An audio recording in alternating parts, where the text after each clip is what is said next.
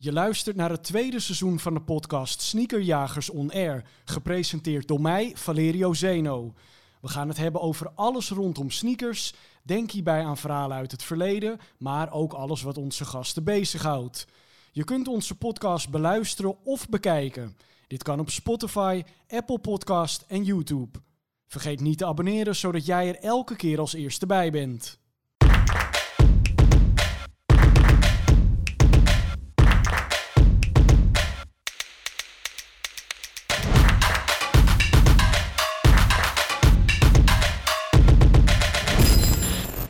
Ik mijn handen aan het ontsmetten ben, wil ik jullie van harte welkom heten bij een nieuwe aflevering van Sneakerjagers On Air, de podcast.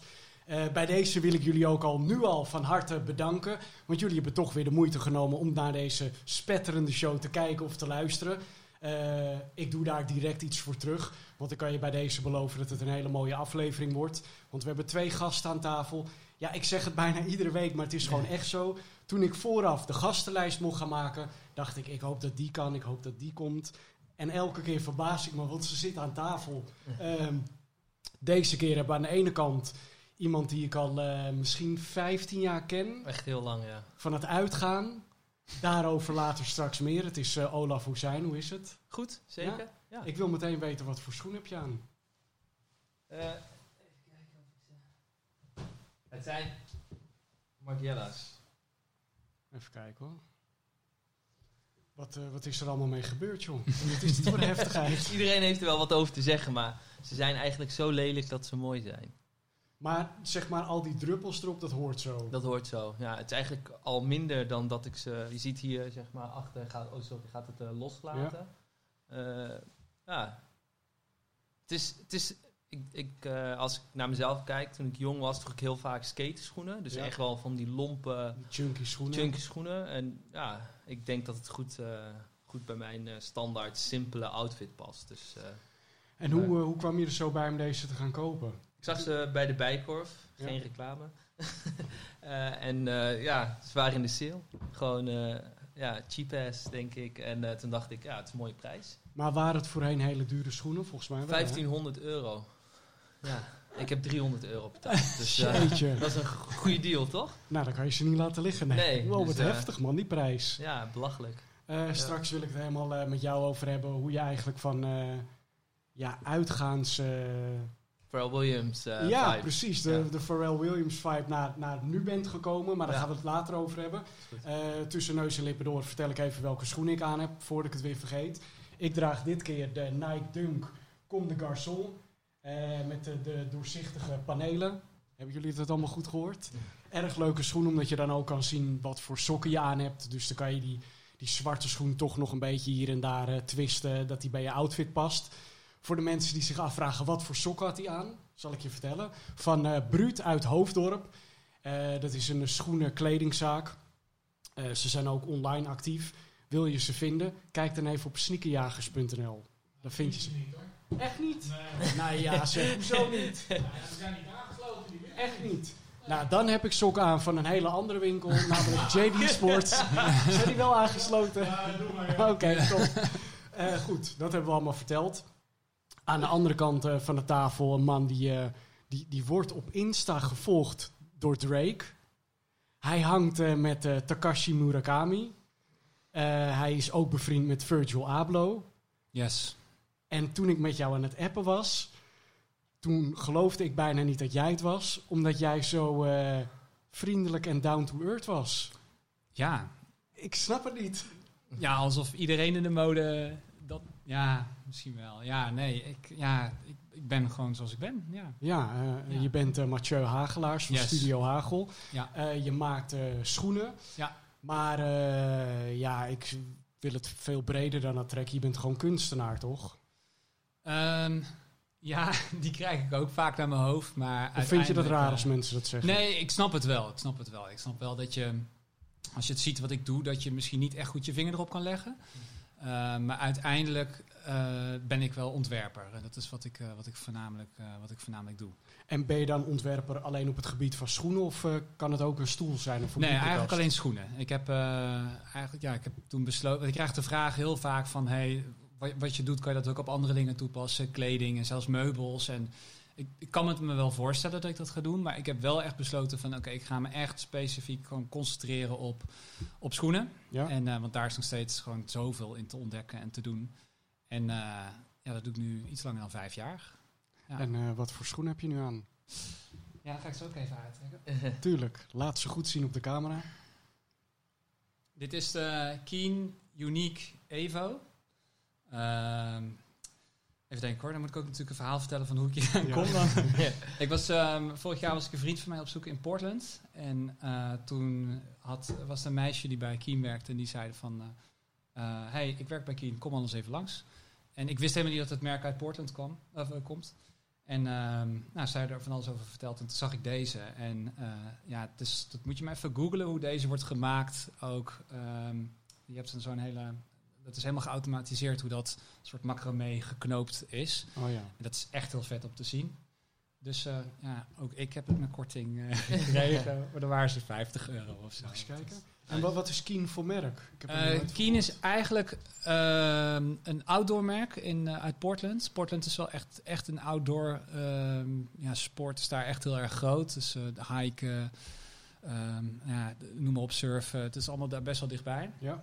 En Keen heeft echt uh, wijze functionele eh, schoenen. Ehm, ook hele lelijke eh, schoenen die tussen zitten. Ehm, maar en zo ook deze.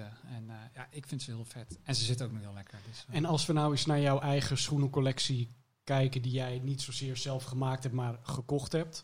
Hoe zou je die collectie dan omschrijven? Wat zijn de modellen die je tof vindt? Ehm, nou, ik heb best wel wat schoenen. Eh, maar uiteindelijk zie je toch wel dat je zo drie, vier of zo, dat zijn een beetje de dingen die je draagt. Ehm, ik heb die Air Max 95 Comme de Garçon, die laatste. Dat is een paardje die ik best wel graag draag. Zo die, dat foam zo zichtbaar Ja, is. ja, ja. Ehm, ik heb ook die, eh, volgens mij is dat het Nike, is dat de Tailwind eh on the cover, dus met die clip zo aan de achterkant. Wat best een saaie schoen is in het, in het blauw. Ehm, Is die clip niet een beetje een, een soort vleugel? ja, ja, ja, ja, ja, dat is eigenlijk, eh, dat is eigenlijk gebaseerd dat je, dat, dat je dus ook kan instappen. Dus, Oh, ja. Dat is een techniek dat je dan zo erin kan stappen zonder dat je je los hoeft te maken. Mhm. Maar volgens mij hadden ze daar, eh mochten ze pa- patent, eh er zat al patent op, dus ze mochten het niet zo doen. Dus het is nu alleen voor de sier. Oh ja. Ehm, ja, dat een beetje. Ja, ik heb ook wel echt die Crazy 27 van Undercover. Die knalgele, wat een soort aliens zijn of zo. Dus het is, ja, ik denk best wel gevarieerd. Ja. Nou zei je net, eh, eh, je hebt best wel veel schoenen. Wat is best wel veel? Nou, ik denk dat jij er wel meer hebt trouwens. Nee, dat, denk ik zeker niet. Nee? Nee, ik ben juist helemaal aan het uitdunnen. Dus, Maar eh, hoeveel zit je dan erop? nou, ik zit, eh, ik wil iedere keer 40 zeggen, maar het zit tussen de 40 en 60. Ja, ik denk, ik denk ook zo 30, 40. Ja, het zit ook veel bij wat gewoon niet interessant is hoor. Nee, Ik- nee maar dat geeft niet. Nee, dank je. Nee, ja, ik heb ook dan, dan heb ik heel veel gekke dingen. En dan aan het eind van de dag draag ik toch het meest All-Stars. Ja. Eh, ja, een beetje die simpele dingen. Ja, saaie schoenen zijn gewoon heerlijk, toch? Ja. Ik bedoel, Ik zou eh, gewoon never All-Stars dragen. Nee, Nee? waarom niet? Te simpel. Ja? Ik niet. Ja, ik vind, het, ik vind het gewoon echt geen mooi model. Nee. That's just me. Ja, dat kan. Ja, Ja. Wat, wat heb jij dan zoal in je kast staan? Eh, ik denk de afgelopen jaren veel, veel Essex eigenlijk. Eh, en ik heb eh, denk ik 30 paar. En ik draag letterlijk eh, drie paar schoenen ja het is ook non-stop. Ja. dus ik kijk vaak naar die andere schoenen en dan kijk ik en dan... Nee, dit wordt hem gewoon niet. Ja. Dus ik kijk er eigenlijk graag naar. Maar en wat zijn dan andere modellen waarmee je vaak rouleert? Mm, New Balance, heel veel. Eh, ja, het zijn eigenlijk een beetje dad shoes, wat je noemt. Gewoon hardloopschoenen Ja. waar je elke dag eh, mee kan lopen. Heel simpel. Maar die, die chunky sneaker en die dead shoes, dat, dat is heel erg eh, van dit moment. Mhm. Was dat dan drie jaar geleden ook al of eh, liep je toen op andere dingen? Mm, ik ben eigenlijk nooit echt een Nike-fan geweest of zo. Dus ik denk, wat, ja, eigenlijk best veel. Ah, ja, ik kijk, denk ik ook gewoon met mijn eigen stijl. Maar ook als ik aan het ontwerpen ben, probeer ik gewoon net een stap voor te zijn. En ik denk dat ik al heel lang hardloopschoenen, die trend van de Flyknits. Mhm. Dus de Nike Flyknits, vanaf toen ben ik eigenlijk comfortabele schoenen gaan dragen. En dat is gewoon nu. Ik denk dat de meeste mensen op zoek zijn naar comfortabele sneakers. Eh, ik ben nooit echt een sneaker fan geweest. Of, eh, ik koop gewoon iets omdat ik het mooi vind. Ja. Of dat, Dat ik, dat ik naar kijk en denk van, wow, ja, ik heb eh, best wel een simpele stijl. Dit, dit, dit past er eigenlijk. Je hebt altijd, ik geloof altijd dat je één iets nodig hebt, zeg maar, wat je iets specialer maakt dan de rest. En ik denk dat dat, dat onze liefde voor eh, BBC Ice Cream was eh, in die tijd. Zeker. Toen eh, niemand eraan kon komen. We hebben, het over, we hebben echt over een hele lange tijd geleden. Ja, man, ik weet nog goed. ik ging Ja. dan uit in Paradiso of zo. Ja, En ik was gek van BBC Ice Cream en Ja. de dingetjes als Pharrell wat met de NERD uitbracht en zo. Maar het was in die tijd heel moeilijk om aan te komen. Alleen Je moest in New York of iemand Japan. naar Amerika gaan, ja. ja. Of je moest hopen dat je ergens in een eh, verlaten grotje op internet wat kon vinden. En dan moest je maar hopen dat het aankwam en dat het echt was. Ja. Maar tijdens het uitgaan zag ik altijd één jongen die droeg BBC Ice Cream. ja. Die leek toen ook nog op Pharrell. Dat was eh, de hele look. Zo, ja. dat was echt de hele look. Ja, en dat was jij. Ja. En, en ik zag Er- je een er- paar keer. Er was dacht, nog een andere jongen. eh, hoe heet die grote producer? Reavers. Reavers, ook altijd. ja. Zo Ja, ken ik ook, ja. Reavers. Reavers en, eh, en jij waren eigenlijk de enige Maar waren die, dat die, zeg maar, die kleurige Stan Smith-achtige... Ik had nog helemaal, als ik sneakers wou, dan wou ik eigenlijk de, BBC, de ice cream sneakers. Dat zijn echt die eh, soort Air Force eh, ja, was er nou Oh, met... ja. eh ja, met NERD door, die bijvoorbeeld, zeg maar. Maar ik, in die tijd had ik gewoon echt geen geld. Dus, dus Ja, eh, het was bijna onmogelijk om aan... Ik, wat waren de prijzen? Ik denk eh, een t-shirt eh, kon je in Amerika of Japan krijgen voor eh 70, 80, 90 dollar. Maar voordat je die in de resale kon krijgen, ben je toch alweer Zeker, 140, 150 Voor eh, gulden kwijt. Is En helemaal in die onmogelijk. tijd ja. was dat echt, waren Veel prijzen echt ongekend. Ja, die eh, ice cream jacket. En dacht ik van, wow, dat is een jas van 1000 gulden of Ja, zo, ik heb zeg toen maar. ook echt nog iemand anders creditcard moeten lenen. Ja, En toen zei diegene, ja, maar dat ga je dan online bestellen? Ik zei, ja, nee, je kan het vertrouwen. Moest ik dan maar hopen dat het goed kwam. Maar ja, was- was wel... en dan kwam dat uit New York? Of dat kwam Ja, het kwam uit New York, ja. ik denk dat jij in Duitsland toen hebt besteld. Eh, Nee. hoe heet die winkel in... eh, eh, dat was de eerste account in Europa. In, vanuit Amerika kon je nooit naar, eh, naar Europa bestellen. Dat kon helemaal Nee, maar niet. ik had toen iemand met een creditcard. Die daar woonde, die naar jou ging sturen. Oké, dat, dat Dat is die de woonde andere. hier, maar die kon via zijn bedrijf. Ja, Dus ja, dat was ook zo omslachtig. En dan op een gegeven moment wilde ik weer een jas. ja. En dan dacht ik al, shit, ja, hoe ga ik mijn vraag dit keer eh, inpakken, weet je wel. Ja. Ehm, Ja. Maar ja, dus ik zag jou in Paradiso staan. Ik dacht, ja, dan moet ik ook wat zeggen natuurlijk. Want eh, ik ben benieuwd hoe je eraan bent gekomen en ik vind het vet. ja. Dus zodoende hebben wij elkaar leren kennen. Maar in die tijd, wat deed jij toen eigenlijk? Ja, ik studeerde eigenlijk En gewoon... wat eh, studeerde je? Management economie recht op, in Holland. Ik heb echt heel veel gestudeerd in mijn leven. Ik heb MBO, middelbare hotelschool gedaan. Toen ben ik HBO gaan studeren. En toen uiteindelijk heb ik communicatiewetenschap op de Universiteit van Amsterdam eh, gestudeerd. Dus een hele lange weg. Eh, ik was eigenlijk gewoon aan het chillen. Maar ja, want zijn dat ook eh, niet Ja. allemaal studies dat je dan, die je dan doet als je gewoon geen idee hebt wat je, Klopt. wat je wil? Ja. Ja, en het werd door de overheid betaald. Dus eh, mijn universitaire opleiding heb ik wel zeg maar, met studieschuld. betaal ik nog eh, tot op de dag van vandaag. Flinke God, studieschuld. leren. Maar als je kijkt naar vandaag de dag, als mensen willen studeren, dan, eh, dan, is, dan, is, dan wordt niks meer als gift eh, gegeven. En eh, ik was 27 toen ik afstudeerde. was gewoon voor mij een hele fijne tijd om mezelf te ontdekken. ja. Ja. En ehm, En ik heb die studieschuld gebruikt om te investeren in mijn bedrijf. Dus eh, ja, geen probleem. nee. Nee. Maar toen de tijd dat je dus dan dus die BBC Ice Cream dingen leuk vond, Ja.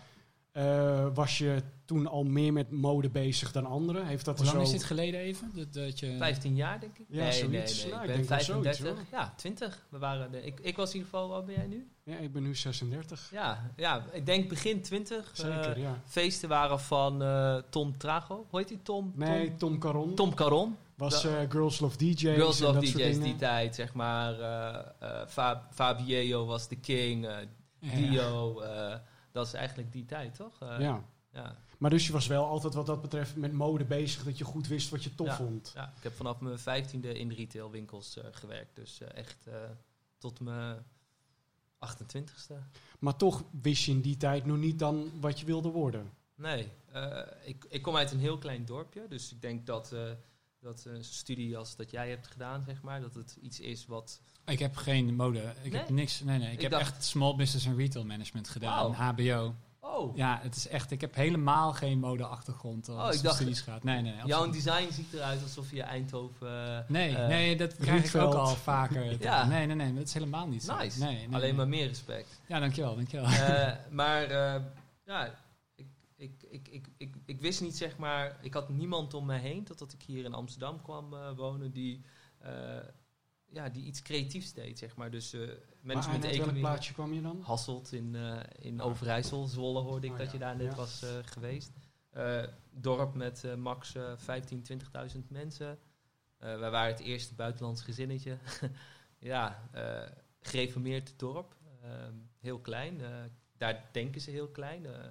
En ik had eh, andere ideeën van hoe de wereld eh, eruit zag. Ik ging op mijn achttiende kwam ik in Amsterdam studeren. En ja, daar ben ik nooit meer weggegaan. Nee. Ja. Maar wanneer had je dan het moment dat je dacht, hé, hey, ik wil misschien wel wat met mode gaan doen? Eh, toen ik een vriendengroep tegenkwam, dus dat zijn de jongens van Filling Pieces, Daily Paper.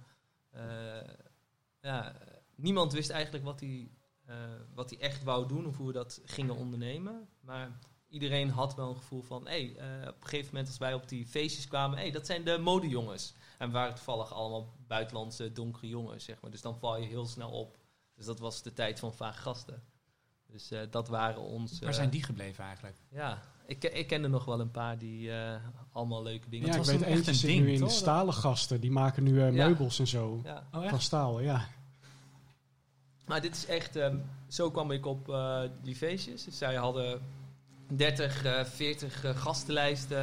Eh, ik denk dat dat mijn mooiste tijd in Amsterdam is. Hè, Zeg maar. Zij waren zo ontzettend bekend en zo niche eigenlijk ook weer aan de andere kant. Ze deden eh, eh, verschillende festivals, bouwden ze op. Ze deden feestjes. Ze waren Ja, daar gewoon heel goed in. Het logo heel groot op Lowland, zo op die, Ja. eh, de sluis zeg maar daar een beetje. Ja, ik vond het ook bizar dat op Solar dan eh, mogen de mensen zelf, de, de instantie zelf, een, een podium maken en de Ja. line-up. Dat doet de organisator niet zelf. En vage gasten, zij hadden gewoon altijd de dikste stage op heel Ja. Solar. Ja.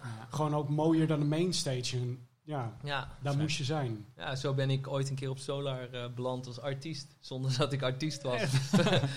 nou ja, zij hadden dat geregeld. Dus Ja. ja, ja waren goede tijden. Maar goed, ja, en wanneer dacht je dan, eh, ik wil wat met mode gaan doen? Ehm, ergens eh, toen ik bij G-Star werkte in de, de, op de PC Hoofdstraat, er was een flagship store.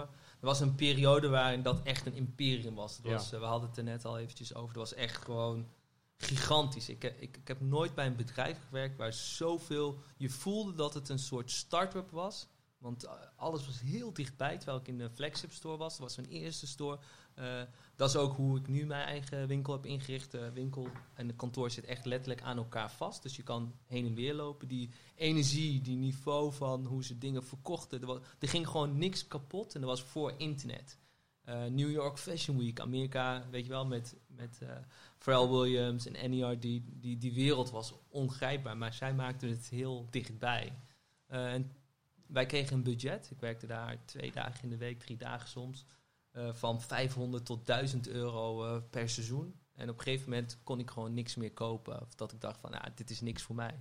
Toen ben ik met een product begonnen waar ik totaal geen verstand van had. En dat waren denims. Dat was mijn allereerste product die ik ooit op de markt heb gebracht. Maar wacht even, hè, want ik begrijp het niet helemaal. Dus je werkt, Ik ga snel, Je, je werkte bij G-Star in de winkel. Ja. Ehm, En daarna studeerde ik gewoon. ja. Ja. Maar eh, hoe kom je dan op een gegeven moment, heb je het over die budgetten van ik kon niks meer kopen? Hoe kom ik daarop? Je, ja, Eh, Ja, ik, ik herken dit wel een beetje. Ja. Ik heb ook bij G-Star gewerkt. ja, dat- ja. En wij kregen ook een budget. ja. En op een gegeven moment hing je kast al echt helemaal vol met, Ja. eh, Mark met denim shirts en Ja. Mark Newson. Als je Ja. dan eh, als je geluk als had je en zo. staat in de winkel als verkoper en je krijgt een budget voor kleding voor jezelf om Ja. in de winkel Ja. te Ja. dragen. Sorry. Oké. God, dat lijkt me toch ook heerlijk?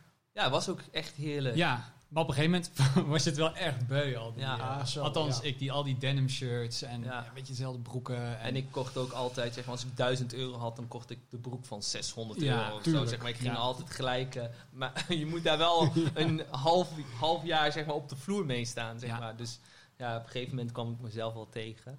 Eh, maar toen bedacht ik voor mezelf van, ja, hoe, eh, hoe tof zou het zijn als ik een eigen product eh, kan maken. Dus via via was ik in eerste instantie bij Sample Room van Artes gekomen in Arnhem.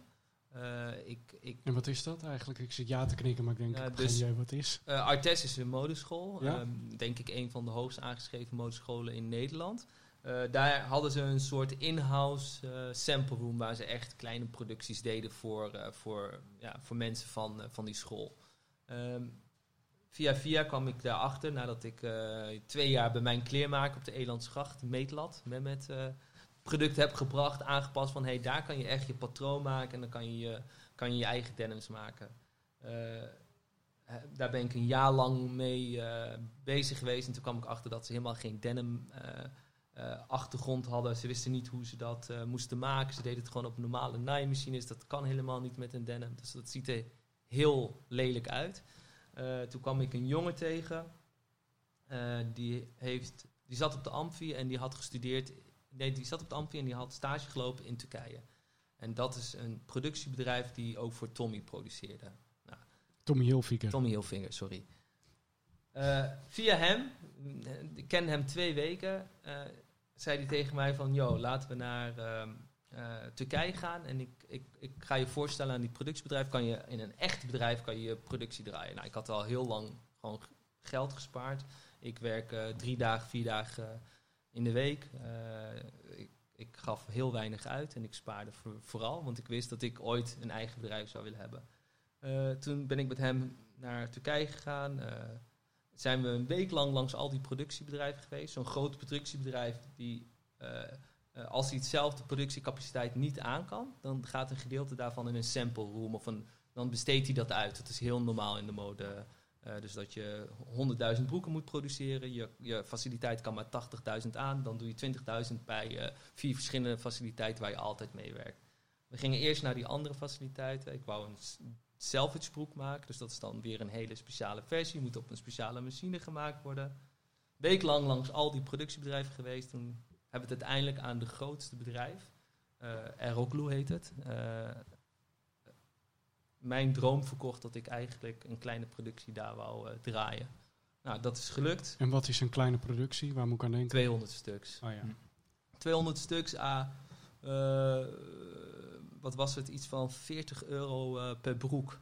Dus dat is, dat, is, dat is echt wel een flinke investering voor iemand die totaal geen verstand heeft van hoe een broek en een pasvorm en de gradering van de verschillende maten. Lang leven studiefinanciering. Ja, ja, maar ik heb ook echt, ik, ik, ik, ik verdiende per maand naast mijn studiefinanciering al gauw toch echt iets van bijna eh 1200 Ja. euro in de eurotijd. En, dat is, en daarboven kreeg ik studiefinanciering. Na een half jaar moest ik altijd mijn studiefinanciering stopzetten, omdat Ja. ik zoveel ernaast werkte. Ja, ja. Dus daarom heb ik ook zo lang kunnen studeren. Eh, en eh, dat heb ik geprobeerd. Ik werkte op dat, eh, op dat moment werkte ik bij één op de Cornelis Schuitstraat. Dus ik was van G-Star al naar een nieuwe kleine boutique gegaan. En daar verkocht ik die eerste 200 eh, broeken zonder te zeggen dat ik de eigenaar van het, van het merk was. Dus, En dat was omdat je gewoon wilde zien hoe er echt op gereageerd werd. ja, ik, ik, ik, ik, ik heb wel een gunfactor, denk ik. Dus als ik in de winkels zou staan en ik verkocht die broek iets voor 250, 260 euro. Want de retailer moet ook geld verdienen natuurlijk. Eh, en ik, ik wou niet uit sympathie producten verkopen. Ik wou, ik wou kijken van... eh, het, het was ook een periode waarin jeans echt een heel gewillig product was. 2012, 2013. Eh, en ik wou gewoon eens kijken van hoe de consument erop reageert. Ik had veel retailervaring, dus op het moment dat ik het zou verkopen en zeggen dat ik de eigenaar, dan voelt het ook als dwingen. Zou je Ja, ja. 40 Maar dit is zonder marketing, zonder, Zonder marketing, zonder Ja, Instagram, echt niks het product, het product verkocht zichzelf Ja. ergens. Ja, Ja. Met hulp van jou dan. maar- Ja, wel dwingen, maar Ja. niet zeggen dat het mijn product was. Ja. Want ik was het gewend om producten te verkopen. Maar voor er zat er wel merken. ergens een, een naam op een label. En wat was de naam dan? Eh, Olaf, eh, daar was het al eh, heel vroeg. Eh, ik had, eh, ik zat eh, op een, eh, op een denim forum. Eh, ik, kom even, ik kom eigenlijk helemaal niet meer op de naam. Daar heb ik gewoon op geleefd. Alles, eh, alles vandaan gehaald. eh. ik heb eh, ritsen uit Japan eh, besteld. Ik heb knopen in Italië laten maken. Ik heb een leather patch hier bij Guild of Holland. eh, is eh, ook de eigenaar van Zenology, als je dat eh, nu nog kent. Zo'n soort Zeker. Mijn achternaam is Zeno, dus ik weet toevallig echt dat dit merk eh, sinds twee maanden weet ik dat het Nederlands is. Ja, En hoe heet het merk? Zenology zo, ik, ja, zeg ik zeg maar altijd paarse- zenologie. want Dan Zenologie. hoor je mijn achternaam beter. Maar het is zeg maar zo'n paarse eh, bus. Eh, en hij maakt geuren. Je hebt ook Mona di Oreo. Oké. wordt, Zenology wordt, verkocht, wordt aangeboden vanuit KLM bijvoorbeeld. Dus als je in KLM je handen gaat wassen, dan zie je die Dus met hun zeep, ja. Ja, met hun zeep vond ik al wel best wel een ding voor hun. toch? Zeker, ja. Goed geregeld. En zo begon ik eigenlijk. Geen marketing, helemaal niks. 200 broeken. En met die eerste broeken die je in Turkije had laten maken, Ja. hoe, hoe was je daar tevreden mee over de kwaliteit? Er zaten er nog dingen aan waarvan je dacht, oeh, dat moest eigenlijk anders. Ja, ten eerste is het een raw denim. Dus dat is gewoon ontzettend stijf. Het is gewoon Ja. een hele andere periode. Dus mensen bouwden heel graag eh, broeken in eh, is In- bijna alsof je een plank aan hebt. echt, echt Ja. een plank. ehm, Je had er ook broeken die je gewoon rechtop kon neerzetten. toch? Juist. Dat was toen op een gegeven moment ook zo'n dingetje. ja, Naked, Naked and Famous, volgens mij Ja, eh, was meer, dat maar- een heel groot eh, merk op dat Mega moment. oncomfortabel. Mega oncomfortabel. Eh, en ik merkte wel heel gauw, zeg maar in die periode van je had eh, dus de echte denim liefhebbers. En ik wist dat ik niet de echte denim purist was. Mm. Ehm, en ik zat meer in de vibe van APC, Acne. Eh, dat is best vroeg eh, in die periode. Or Legacy was eh, dan eigenlijk net een beetje gestart. Eh, en ik dacht, oké, ik wil liever in die, in die vibe eigenlijk verder gaan. En toen heb ik Ja. heel snel afstand genomen van denim. Want het is een ongelooflijk moeilijk product om te kunnen verkopen. Omdat je, mensen zijn zo verwend. Het moet perfect zitten. eh, de lengte moet perfect. En, ja, Maar dan is het eigenlijk des te knapper dat je die broeken toen nog hebt verkocht. Want je had de grote merken. Ja. En ik weet niet wat er bij één toen de grote merken waren. Ja. Dan heb je het toch nog weten te wringen. Als, Ja. eh, ertussen weten te wringen. Als, als ja, geen merk was het toen echt eigenlijk. Absoluut. Ik, ik denk, eh, er was daarnaast ook geen Nederlands succes. Dus eh, in één is Filling Pieces groot geworden. Dus dat was wel echt de tijd in die winkel. Dat was een Nederlands product. Eh, Ja. Een jonge guy die sneakers maakte. Ja. Ik markette mezelf niet zo. Maar ik gaf wel aan dat het product een Nederlands eh, merk was. Eh, en ik denk, de charme daarvan, daar waren mensen op zoek naar. Waarin mensen dus naar, eh, aan de overkant van die winkel zat organic of eh, markt. eh, echt zo'n, ja, mensen waren steeds meer bewust na gaan denken over wat ze gingen eten. En ik denk Ja. dat kleding de volgende stap was. Maar dit was het begin van dat, ja, van dat idee wat je ziet dat iedereen eigenlijk wil weten wie is de designer van die schoen. Of Ja. waar komt het vandaan, waar is het geproduceerd. Ja. Ik, ik volg hem al een jaar lang op Instagram en ik weet precies welk... Dat, dat, dat is nu de wereld waar we in leven met social media. En ik denk dat dat het eerste begin, het start, het succes was van dat, dat, dat idee, zeg maar. Nou, we gaan zo verder. Hè. We Ja. hebben nu tot aan de spijkerbroek gehad. Eh, wel nog even een huistuin- en keukenvraag die je al duizend keer hebt beantwoord. Olaf is niet jouw echte naam. Klopt. Wat is je echte naam? Hoe zijn? En waarom... eh Hussein Youssef, toch? Ja. ja. En waarom... eh, hoe, hoe ben je op Olaf gekomen? Ehm, nou, ik zocht eigenlijk eh, een naam die heel kort was eigenlijk. Eh, simpel, als je kijkt naar Nike. eh, gewoon merken waar ik naar opkijk, wat je makkelijk kan onthouden. En ik heb expres ook, het merk heet ook Olaf Hussein. Dit is 2000, ja, 2012, 13, 14 een beetje dat idee ontstaan.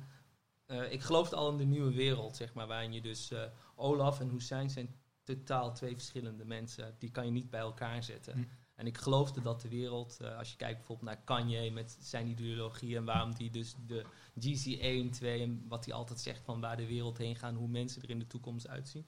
Ja, dat idee geloofde ik al. En dat wou ik eigenlijk eh, zo laten zien. En daarna, eh, een van mijn beste vrienden van Daily Paper heet ook Hussein. Dus zo ben ik eigenlijk meer Olaf gaan heten. Daarvoor ging ik als Peewee van Pharrell Williams. Dus iedereen noemde mij Peewee. Ja, Dat was mijn Zo eh, sta je nog in bijnaam. telefoon. Ja, Ja. dus eh, ja, ik was echt, ja, echt een grote fan. Ja. Ja. Eh, Mathieu, nou zei jij net van, eh, je, je, je bent pas eigenlijk vijf jaar geleden begonnen. Ja. Maar dat kan natuurlijk niet. Dat zat al veel eerder in jou. Nou, ik, ik eigenlijk mijn allereerste, als we dan echt teruggaan, ik, ik, ik, liep stage bij Max Shoes, was dat toen de tijd nog. Dat was toen echt wel groot in Nederland. Ja. En ehm, Dus echt met gewoon... dat logo met een soort dansende poppetje zo. MAG of niet? Nee, nee, nee, nee, nee. Nee, MEXX, van het kledingmerk. Ah, oké. Kijk, zie je, het Ja. is goed dat we dat even... Die ken ik ook. Die maar ken ik dat ook. gaat Anders zou ook- ik in mijn hoofd misschien... Dat was ook vet. Dat was ik volgens mij 15 of zo, 14 Ja. zat op de middelbare school. Ja. Iedereen had die schoenen aan. Die waren echt shit. In? Vito. Ik hou mijn Ehm, mond. Nee, maar het was een beetje... eh, ik woonde ook gewoon in een saai dorp in, eh, in Brabant. En Waar dan? eh, Nieuwkuik, ja, niks. Je hebt een pannenkoekenhuis en zo'n streekdiscotheek. En eh, dat was het. En Land van Nooit heb je daar ook. Oh ja. Dus dat is wel. En ehm, nou, ik wou wel stage lopen. Ik wilde wel stage lopen in eh, iets, iets met mode. Mijn vader heeft altijd eh, in mode gezeten. En mijn moeder is ook altijd ontwerpster geweest. En ehm, eh, toen eigenlijk een beetje heel lui kwam ik erachter van... Oh, hier vlakbij zit Max Shoes. Laten we daar stage lopen. En ehm, ja, toen ben ik zo via... Daar werkten jongens die bij Diesel, bij, Diesel Footwear hadden gedaan. En toen ik op een gegeven moment daar wegging, toen zeiden ze van... Nou, er gaat iemand weg bij Diesel Footwear. Wil jij daar anders aan de slag gaan? En eh, toen dacht ik, ja, lachen. Zo ben ik hem... Ja, vanuit Diesel ben ik G-Star Footwear gaan doen. Zeker. En, maar altijd verkoop. Dus ik heb eigenlijk altijd wel iets met het product te maken gehad, maar wel ehm, een soort van passief. Dus wij kregen het eigenlijk en dan ja, moest je daarmee aan de slag gaan. Ja, maar je, Dus, eh, stom gezegd, je stond gewoon in de winkel als verkoper. Nee, nee, nee. Ik, Oh. ik verkocht aan winkels. Dus ik ben Ah, ja. waarschijnlijk ook naar de schoenenwinkel in Hasselt geweest en daar ook proberen schoenen te slijten. En ehm, En dan had je een boek bij je, daar stonden alle modellen Ja, in. we hadden, we hadden een showroom, dus eh, bij Diesel, zo Diesel als G-Star. En je ging beurzen zoals de Bread Butter. Dat was toen de tijd Barcelona en daarna Berlijn. En ehm, daar had je de collectie staan. En dan had je afspraken. En dan kwamen, dan, ehm, kwamen winkeliers die kwamen langs. En dat was ja, van, eh, van grote warenhuizen tot aan kleine, kleine familiewinkels uit, de- uit het dorp. En eh, ja, op een gegeven moment was er zo'n punt dat ik dan, toen ik bij G-Star werkte, toen dacht ik eigenlijk van ja, ik vind, eh, ik vind verkopen vind ik eigenlijk niks meer aan. Ehm, en, en toen dacht ik van ja, ik kan nu naar een ander merk doen, naar een soort van grotere sales manager worden of dat soort dingen. Maar dan blijf ik, ben ik nog steeds verkopen. En toen dacht ik van ja, maar wat ik wel interessant vind is, is het product. En ehm, toen ben ik ehm, eigenlijk naast mijn werk heb ik een, ehm, een, hoe heet dat, een, een masterclass gedaan, Industrial Footwear Design, van anderhalf jaar.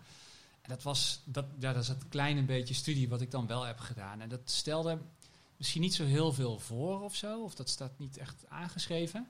Maar voor mij was dat vooral een, een, een periode, of tenminste een, een tijd die werd geblokt dat ik niet met sales bezig was en met, met ontwerp bezig was. En ja, ja ik, ik kon altijd wel goed tekenen en zo, maar toen kwam ik erachter van, oh ja, shit, ik, weet je, ik vind het heel leuk, maar ik kan dit ook wel. En waar ik ook achter kwam is dat alle ervaring had die ik in sales, van hoe collecties werken, product. Ik wist stiekem best veel van het product af ook, Ja, omdat het ja. me gewoon heel erg interesseerde. En op dat moment dacht ik eigenlijk gewoon, ik wil hier gewoon in verder gaan. Ik ga gewoon niet meer, ik ga geen sales meer doen. En eh, ja, dan moet je een baan zien te vinden. En eh, ja, wat, wat gewoon helaas wel zo is, is dat ja, je moet ervaring hebben en dat had ik niet. Dus niemand wou, wou me aannemen. En toen ben ik, eh, toen dacht ik van ja, als niemand, niemand met mij wil werken, dan, eh, dan ga ik het zelf doen. En toen ben ik in 2015 ehm, ben ik mijn eh, studio, Studio Hagel, ben ik begonnen. Zo.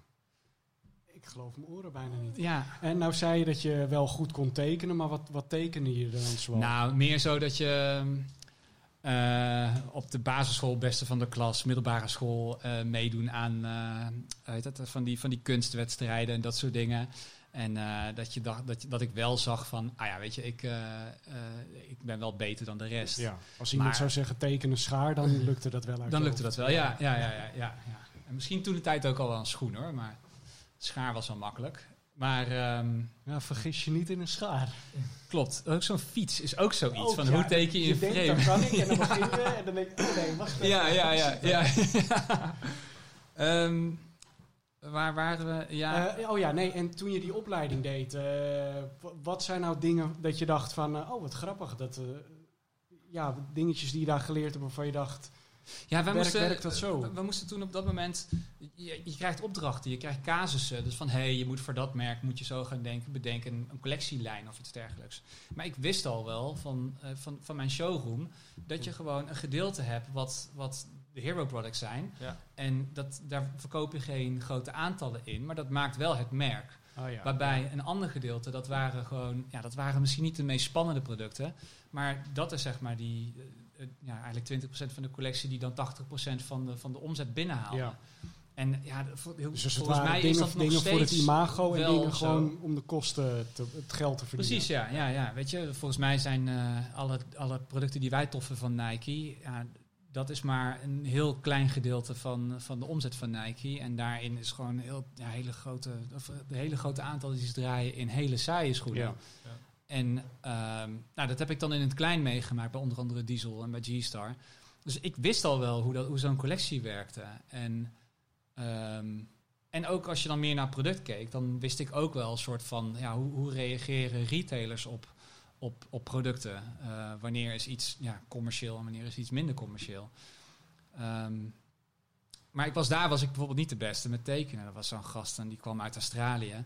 En die had besloten, ik ga bij Nike werken. En ja, die kon zo vet tekenen. En toen dacht ik van, ja, ik moet hier ook nog beter in worden.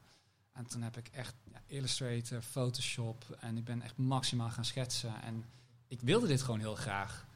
Dus ja, iedere keer gewoon kijken, wat kan ik verbeteren? Ja. Waar, waarom zijn zij beter? Wat kan, ik, wat kan ik zelf doen om dat te gaan doen? Dus gewoon En hoe oud was je toen? Eh, 30. En dacht je toen niet van shit, ik ben eigenlijk al veel te oud voor dit. Om dit nog in te halen. Nou, ja, het is, dat is ook... eh, eh, Het is ook wel nee, een andere tijd, denk ik, toch? Zeg maar, het was... denk Ja. Ik, ik, ik heb wel meegemaakt een beetje wat jouw eh, start was. ja, Dus ik denk dat het wel het, het, het, het begin van het internet... Dat, ja, ik had dat niet door. Ik weet wel, ik weet wel dat tijdens, de, tijdens die masterclass, Ja. toen was die dude, eh, die was dat al op Instagram. Ik zei, wat is dat dan? Ja. En toen liet hij dat zo zien. Ja, dit is dan ook gewoon 7, 8 jaar geleden of zo. ja. En die liet dat toen zien. En ik zei, van, ja, hoe doe je dat dan? Ik zei, nou, oké, is goed. Dus, laat het ook proberen. Ja. En ehm, ja, maar ja, terugkomend op, op, op ja, te oud meer? Ik, ik, op dat moment vond iedereen het heel raar, die overstap. Het was echt zo van... Ik had, ik had label sales op mijn hoofd. Ja. van, hè, maar een sales doet die nou in één keer ontwerp wilde gaan doen.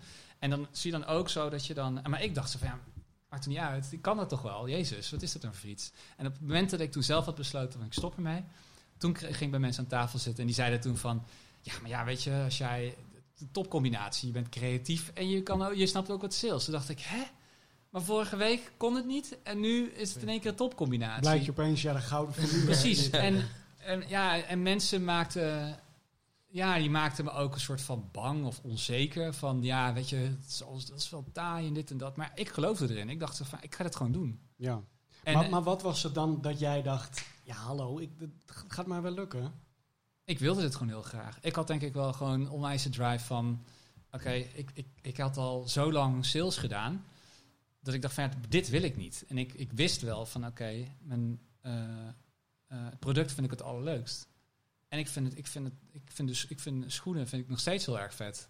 Dus ja, ik denk dat ik daarin zo iedere keer weer... Ja, misschien stimuleerde het mij ook wel dat andere mensen zeiden van... Ja, weet je, je bent sales, je kan. Ja. Toen dacht ik, ja, ik heb echt gewoon bij ontwerpers aan... En dat is niet zeggen van dat ik, dat ik heel goed ben of weet ik veel. Maar dat ik echt dacht van... Seriously, dat kan ik ook. En ik had nog nooit Illustrator aan. En dat, en dat ik echt een paar keer wel ook wel dacht van... Ja, jongens, sorry, maar dit kan toch beter? Ja, en, en, en, ja, en eh, toen dacht ik van... Ja, fuck it, ik ga het gewoon zelf doen. Ja. En nu zit ik bij sneakerjagers. Zo snel kan het Ja. Maar ik vind het wel grappig door wat je allemaal vertelt, hè. Dan zou ik dus denken van, oké, jij weet hoe het werkt. Als ik niet zou weten wat voor schoenen jij maakt, dan zou ik aan de hand van je verhaal denken dat je hele veilige schoenen maakt. Terwijl de dingen die ik voorbij zie komen van jou is eh mind-blowing. Dat ik denk, wow, hij combineert dit met dat en die kleuren en dit is eraf Ja. geknipt. Ja, eigenlijk wat je, wat je op Instagram ziet is misschien 5 tot 10 procent van wat ik doe. Ehm, het is een... Eigenlijk, eh, ik heb een ontwerpstudio. Dus ik ben eh, eigenlijk... Ik ben het, maar ik werk ook met mensen samen. Dus met freelancers werk ik samen. Dus iedereen daar een soort van specialisme in.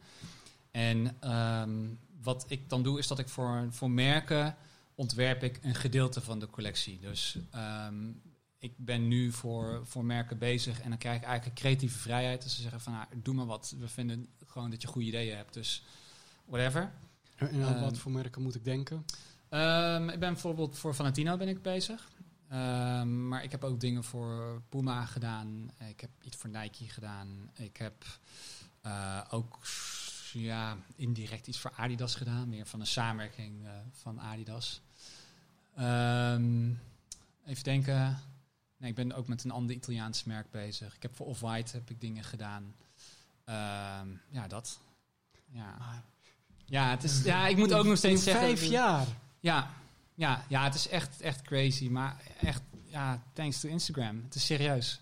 Ja. Ik heb toen echt... Ja, en ook thanks to yourself natuurlijk. Ja, ja, misschien ook al. Ja. Nou, ik moet wel eerlijk zeggen dat ik in het begin had ik zoiets. Ik, ik was wel. Ik kwam echt. Schoenenwereld is best wel traditioneel. Dus ik kwam ook echt. Ja, ik werkte bij een Engels bedrijf en die zaten heel erg op constructie en ehm, verschillende soorten Goodyear welds en weet ik veel wat allemaal. En dus het was altijd van nieuwigheid was daarin van ja, dat kan niet. Eh, terwijl ik altijd dacht van ja, maar volgens mij kan dat wel. Maar eh, bij het ontwerpen eh, had ik altijd het idee van ja, weet je, als ik het schoen moet maken, dan moet ik dat tekenen. Dus pen en papier of eh, weet ik veel wat.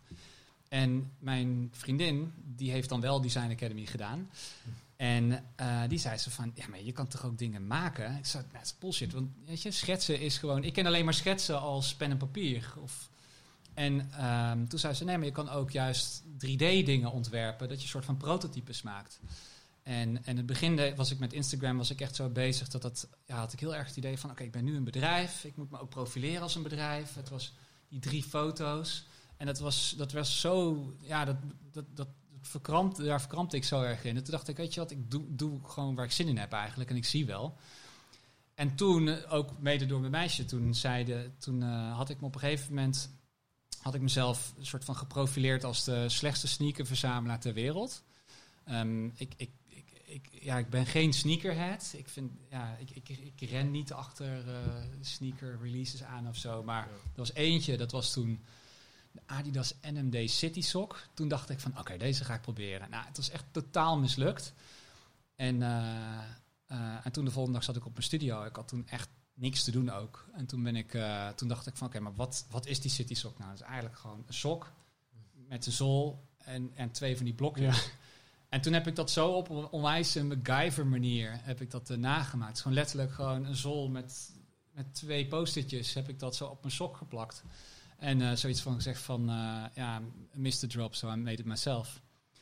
En dat ging toen voor mij de eerste keer ging dat viral. En ja, dat was toen helemaal, helemaal de shit. Het was toen helemaal van, wauw, ik ga viral, helemaal vet. Wat is viral in die tijd? Ja, volgens mij was dat 1300 likes of zo. Ja, ja, ja. En, eh, en dat je dan op een gegeven moment echt zo voor de grap, dan ging je gewoon... Tijd, tijd was een aantal likes. Dus zo van, oh, ik ben de supermarkt. Ik denk dat ik 10 likes onderweg ja. ben. Zo net een beetje.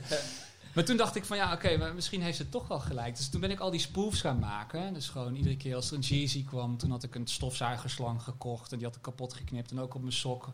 Ik ben heel erg gewoon naar, naar schoenen, naar die ontwerpen ben ik gaan kijken. Van, wat voor alledaagse eh, producten of, of materiaal zie ik daarin? En toen ben ik dat gaan omdraaien. En, ehm, en, en toen zei mijn meisje ook weer van, eh, ja, eh, de grap is nou wel klaar. Weet je, je moet je eigen ont- ontwerpen gaan maken. En toen dacht ik van ja, dat maken vind ik eigenlijk best wel leuk. En toen ben ik dat zelf gaan maken. En dat was eigenlijk het punt dat het... Toen ging het in één keer echt, echt hard. Toen kreeg ik ook buitenlandse interesse ook wel. En in één keer sneaker magazine, interview. En, eh, ja, en, en, en toen Virgil. Maar toen, eh, op het moment dat je die eh, schoenen na ging maken, hè, die spoofs wat je net vertelde. Ja. eh, ja, je begint aan een eigen bedrijf, maar het lijkt mij er moet ook eh, geld binnenkomen om de rekening te betalen. Ja, ja, ja. Ik, eh, ik werkte toen, ehm, eh, ik deed toen freelance klussen wat voor, voor Nederlandse merken. Ehm, en ehm, ja, dus daar eh, ben ik ook mee naar fabrieken gegaan en zo. Maar dat was niet heel groot of zo. Of het was gewoon, ja, wel gewoon om een beetje door te komen. En eh, er was nog zo'n, eh, ook zo'n zo'n regeling, zo'n startersregeling die je dan had. Ehm, ja, dus zo een beetje. En ja, het, is, het was gewoon overal gewoon waar je... Ik wilde het gewoon heel graag. Dus overal waar ik gewoon kosten kon besparen, dan deed ik dat. En gewoon puur met het idee van dit moet ik gewoon gaan doen. En ik heb ook echt wel op een aantal punten gestaan dat ik echt dacht van shit man, wat... Dat je, ja, dat je dan eigenlijk dat... eh, eh, dat je geen klanten had. En dat er eigenlijk één klant tegen je zei van ja, we willen wel met je door, maar dan moet je in dienst gaan. En, eh, en anders, ja, dan kunnen we niet met je verder gaan. Ja. En, en toen toch zei ik van ja, ik, denk dat ik meer kan, ik doe dit niet. Ja, dan had je geen klant. En toen ben ik, ja, uiteindelijk heb ik toch wel een beetje, ja, een paar, paar klanten dan eh, heb ik dan gehad. Maar had je dan niet een momentje dat je paniek had, dat je dacht van, wat fuck, moet ik op Waterloopplein gaan flyeren om eh, aan klanten te komen? Ja, ja, wel, tuurlijk wel. Ja, ja, ja. ja. Ik, ja ik, ik, op een gegeven moment had ik misschien iets van drie klanten of zo. En dan, daar, dan had je dan, eh, weet ik veel, dan factureerde op, op een, bedrag per maand. En dan dacht je van, oh wauw, als ik dit gewoon de rest van het jaar kan doen, zo de rest van mijn leven, ja. is het goed. Ja. En, ehm, ehm, maar ondertussen was ik wel nog steeds wel. eh, kwam ik achter dat Instagram, weet je, dat, dat is wel iets. Ik creëer mijn eigen podium. Het is een soort van, of dat is het podium en ik mag mijn act daar doen. En dat, dat ben ik toen door blijven doen. En toen heb ik gezegd van ja, ik ga iedere maandag ga ik, een, ga ik iets maken. En dat is, ja, dat was toen mijn Makers Mondays eh, zijn dat toen geworden. En dat heeft toen, ehm, ja, dat heeft toen, daar, daar ben ik onwijs mee gegroeid en onwijs aandacht ook mee gekregen.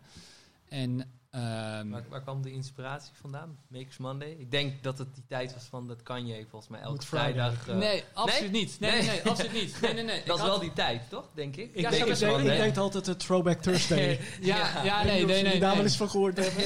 die ken ik zeker. nee dit is eh, ja, drie jaar geleden ben ik daar denk ik mee Ja. Of vier Ah, jaar ja. geleden of zo. Ja, misschien Ja. is dat toen, toen wel. Maar het was toen echt zo letterlijk. Ja. Ik kwam, ma- ik kwam maandag kwam ik aan en Ja. gewoon laptop dicht laten. En dan, ja, bij wijze van spreken, eerst langs de, langs de, de gamma rijden of weet ik veel wat het was. En eh, dan was het gewoon, mijn doel was gewoon, eerste ding wat ik die maandag ga doen, is een schoen maken. Al kost het me de hele maandag wel in de ochtend. En soms heb ik ook het binnen een half uur gedaan. Ja. En soms duurde het een hele, dag. Maar ik zei van, iedere maandag ga ik iets maken. En die post je diezelfde dag ook. Diezelfde dag post ik het. Zo, En en dat was knap. het gewoon- Het lijkt me toch wel ook, het lijkt me fantastisch, hè? lekker knutselen. Ja. En dan bedoel ik alleen maar positief. Ja. Maar ook wel druk, want ik zou denken, ja, er moet wel weer wat uitkomen vandaag. Ja, maar toen ging, ik weet niet wat het toen was. Het was toen, het was toen veel speelser of zo, weet je. Ik probeerde dat ook zo van, ah, lachen man. Het waren ook grappen gewoon die je uithaalde. En ik merk gewoon, en dat merk ik nu nog steeds, van hoe meer fun erin zit, hoe betere dingen eruit gaan komen. En ja, en dat was toen, was dat maximaal zo. Het was echt, eh, ja, het was echt een hele leuke tijd. En ik, en ik, ja, ik was toen zo productief. Ik weet niet wat het was. Misschien was het ook die drive dat ik gewoon heel erg, dit heel erg graag wilde. Dat ik dan ja, dat dat eh, op zo'n manier kwam. En eh, ja, soms was het een hit en soms niet. En eh, ja, en, en ja, het was, ja, was, was, heel, was een hele leuke tijd. Dat is echt wel te gek. Nou, dat is nu eens heel lang Ik, ik, heb, ik heb nog één vraag voor je voor we weer naar Olaf gaan. Ehm, ja, nou zeg je soms was het een hit en soms niet. En het lijkt me dan ook best wel moeilijk dat je daardoor naar de pijpen kan gaan dansen van het publiek. Omdat Ja. je denkt, oh ja, dit werkt, dus laat ik maar zus en zo doen. Ja, ja. Ja, ja, op een gegeven moment was het misschien wel een beetje zo. Dan dacht je echt wel zo van, eh, oh ja, de nieuwe Comme de Garçon is uit, dus laten we daar een grap over maken of zo. Want dan wordt het sowieso eh, opgepikt of ja. Precies, maar zelfs dat, ehm, dat was ook geen zekerheid. Dus op een gegeven moment dacht ik ook zo van, weet je, heel die Instagram, heel, heel, heel, alles wat daar gebeurt, je kan het gewoon, je kan het niet berekenen. Je, je weet gewoon niet hoe dat is. Dus ja, toen dacht ik ook, eh, ook, ook van, ja, weet je, laten we gewoon maken wat ik vet vind, wat ik tof vind of wat ik grappig vind. Of, en soms werken dingen heel erg goed op beeld en soms werken dingen juist heel erg goed als je het in de hand hebt. Maar Ehm, ja, en misschien is dat ook de reden waarom ik nu iets minder productief ben dan dat ik voorheen was. Want het is ook, ook zo dat ik iedere keer wil ik gewoon wat nieuws gaan doen. Ik wil, ik wil niet mezelf gaan herhalen of het proberen zo min mogelijk te gaan herhalen. Ehm, maar ja, ik probeer altijd wel gewoon origineel te blijven. Maar ik ben er ook weer achter gekomen dat het... Je moet je daar echt helemaal niks van aantrekken wat er op Instagram gebeurt. Want je weet het gewoon niet. Het is echt gewoon... Weet je, ik heb ook echt zo vaak gekregen dat ik iets doe en dat mensen zeggen van... Yo, it's trash, you can't even wear it. En denk ik van, ja, maar dat is mijn doel ook helemaal niet, dat het, dat het draagbaar is. Het is gewoon een, het is een inspiratie voor mezelf. En alles wat ik, wat ik maak, dat is ook helemaal niet het idee dat dat, dat ding wat ik post, dat dat aan je voeten terechtkomt.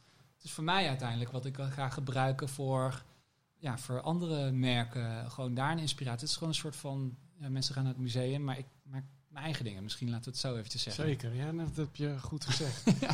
Eh, jij eh, had eh, net je eerste spijkerbroeken collectie afgerond. Was Ja. het eigenlijk één model? Ja, hè? Eh, twee modellen. Oh, twee modellen. En wat Ja. was het verschil tussen die twee? Eh, het een was een regular fit, dus Ja. gewoon een standaard. En de andere was een standaard met een iets eh, slimmere, vanaf de knie zeg maar iets Oh, ja. strakker. Dus eigenlijk, eh, de start van de skinny jeans, want dat was er toen nog niet eens. Is er dan een carrot? Ja, carrot. Ja. Hey. je weet toch. ja, ja, ja. Maar eh, die broeken die waren verkocht. Smaakte het naar meer of dacht je juist wat anders? Ehm, Want je zei net al, eh, ik ben niet de, de spijkerbroeken purist. ja, klopt. Of de Eh, extreme liefhebber. Absoluut. Ik denk, ik kan me goed aansluiten aan jouw verhaal. Is dat, dat op een gegeven moment eh, ja, ruik je succes. En dan denk je van, nou, hoe, hoe, hoe ga ik hiermee om? Wat, wat, wat kan ik dan het best doen? Ga ik, ga ik nog een keer het product maken wat, eh, wat heeft gewerkt? Dat zou het meest logische verhaal zijn. Of zie ik al eh, in de toekomst iets anders voor me? En ik zag al een, een, een ander beeld van eh, hoe mijn merk eruit zou moeten zien. Eh, Blue Blood bijvoorbeeld hebben we het ook eerder al over gehad. Eh, niet tijdens hier, maar voor gesprek. Eh, ja, dat was voor mij een van de mooiste merken in die tijd. Blue Blood had een, een soort classier merk, iets duurder, was Avalon.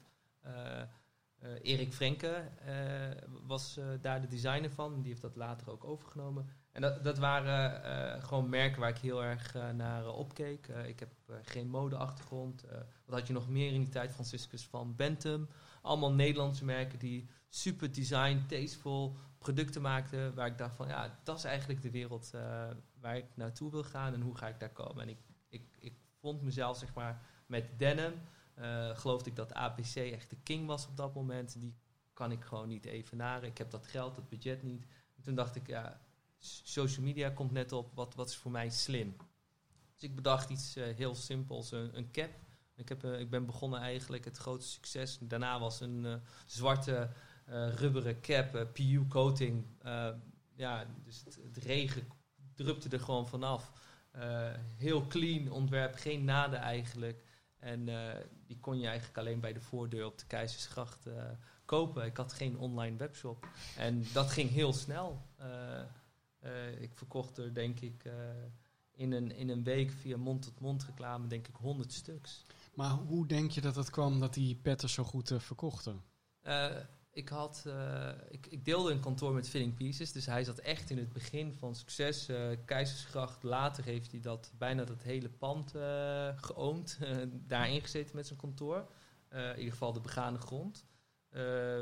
Ik heb een periode gehad dat ik stage heb gelopen bij Tommy, een fase ertussen. En daarna heb ik iets van twee jaar als freelancer gewerkt. Ehm, En toen eh, je stage bij Tommy deed, wat moest je daar dan doen? ik was designer. Vet man. Zonder eh, enige achtergrond heb ik. Maar je had wel een portfolio. Of je had, eh, of, ik bedoel, hoe ben je daar aangenomen? Eh, ah, de snelheid waarin ik in mijn verhaal ga, dat heb je een beetje door, is eigenlijk ook de snelheid hoe dingen zijn gegaan. Ja, Eh, ik werkte op de Cornelis Schuitstraat bij één, daar verkocht ik de broeken. Eh, in die tijd kwam ik eh, Hans Dietvorst, dat was eh, een van de CEO's eh, bij Tommy Sportswear. Die kocht die, die broek van mij en zo ben ik eigenlijk met hem Ah, aan ja. de praten geraakt. Hij wist Zo. niet dat ik de eigenaar was van dat merk. En dan heb ik mijn portfolio, die ik ook heb gedeeld eh, van dat verhaal in Turkije, want daar had ik ook gewoon een portfolio, een, eh, een heel mooi deck gemaakt. Die heb ik ook met hem gedeeld. En de productiebedrijven waarin ik op dat moment die broeken maakte, was hetzelfde productiebedrijf als Tommy. En dat vond die CEO geweldig. Die dacht van, hoe heb jij het zo ver gekregen dat je een bedrijf eh, aan kan schrijven om een productie te doen die een standaardproductie van 100.000 stuks per dag maakte. Dus een echt een gigantisch bedrijf. H&M, Zara, maar ook Burberry produceerde daar in die tijd. Eh, en daar zat ik dan, eh, de kleinste klant die ze ooit hadden gehad, eh, in de sample room, in, bij, bij die productiebedrijf. En dat is het eigenlijk het verhaal waar ik mee naar hem toe ben gegaan. En ik had eerst een eh, stage gevraagd voor communicatiewetenschap, marketingstage. En toen zei hij tegen mij van, eh, ja, dit wordt hem niet. Eh, kom maar een keertje terug wanneer je op design wilt stage lopen. En dat, dat, dat was voor mij iets onhaalbaars. Dat, dat is niet iets wat ik ooit had bedacht om te kunnen doen. Precies wat jij zei tijdens de salesperiode. Op de retailvloer zei iedereen altijd van... Ja, jij kan echt nooit designer worden. ja, het is zo irritant, toch? ja, Ja. Dat, dat on... Ja, dat, dat, Maar kijk, dat is aan één kant een heel groot compliment wat hij geeft. ja. Maar dacht je dan niet van... eh, ja, was je blij met wat hij zei? Of dacht je shit, want ja, ontwerpen, dat, dat lukt mij helemaal niet. Mm. Ja, het ging, het ging eigenlijk heel erg spontaan. Hij zei tegen mij van, ik, ik, ik zie wat je maakt en ik denk dat je sowieso sales techniek hebt. Je kan, eh, je kan jezelf goed verkopen.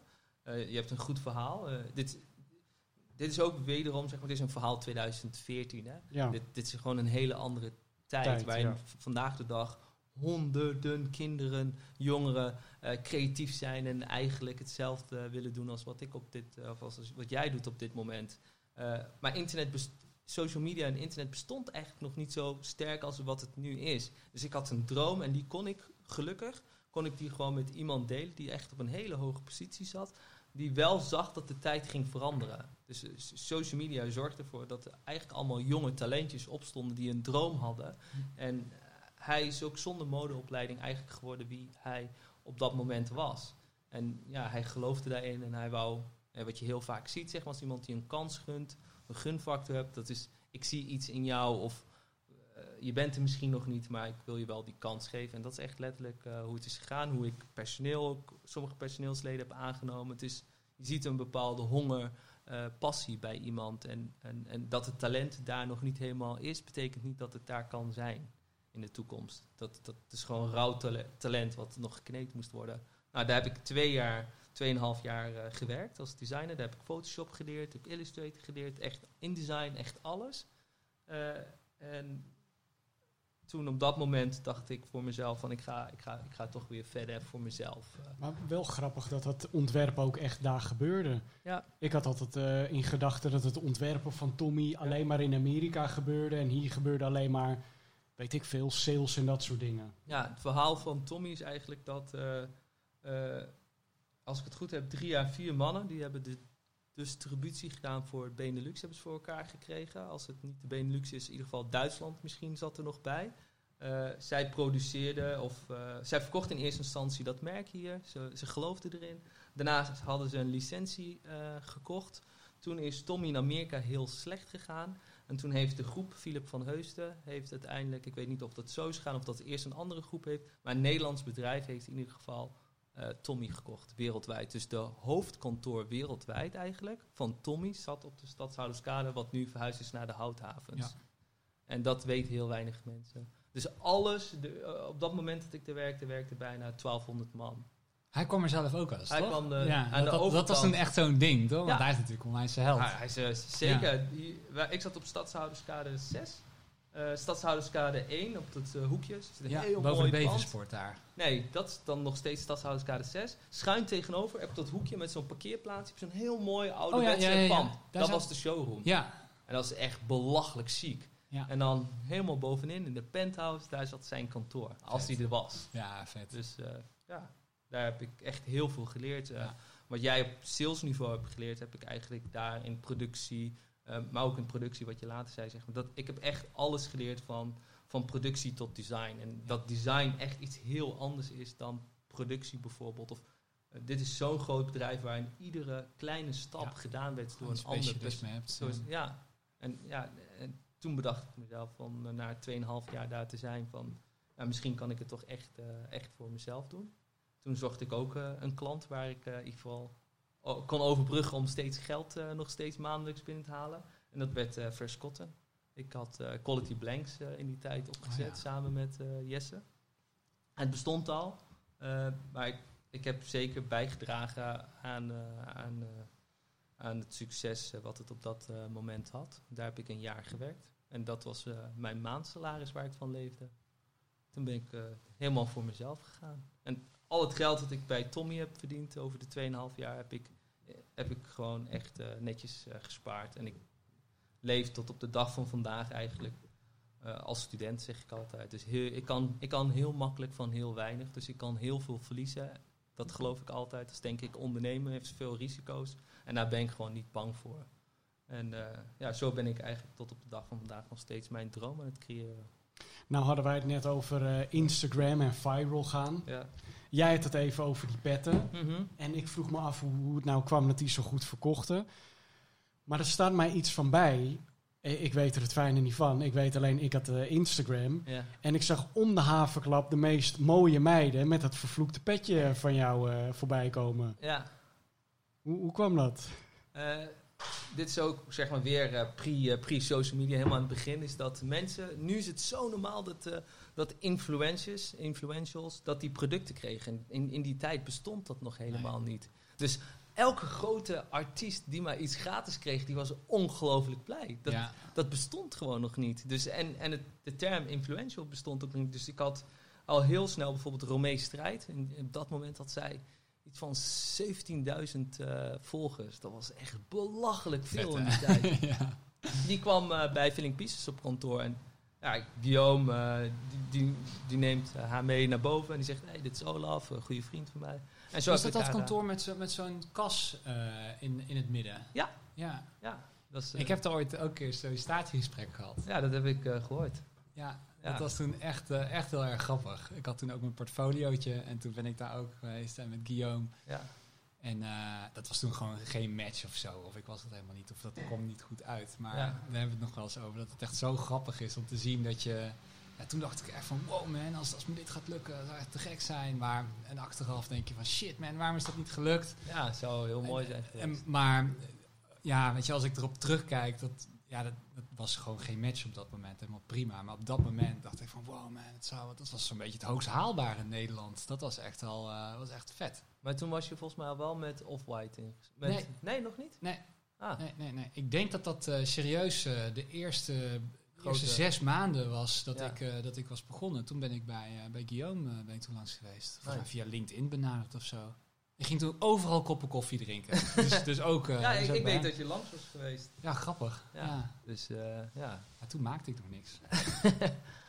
nee, eh, het was eigenlijk...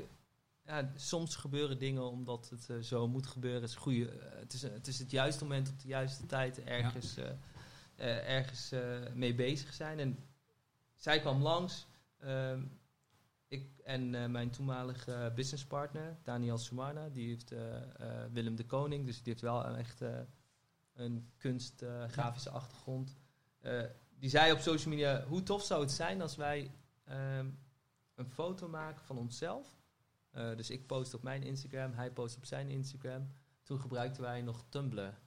Vet. Dus ook lang geleden. En daar posten we letterlijk alle mensen die we dus dat producten, dus de cap eh, in het eerste geval hadden gegeven. En dat was achterstevoren.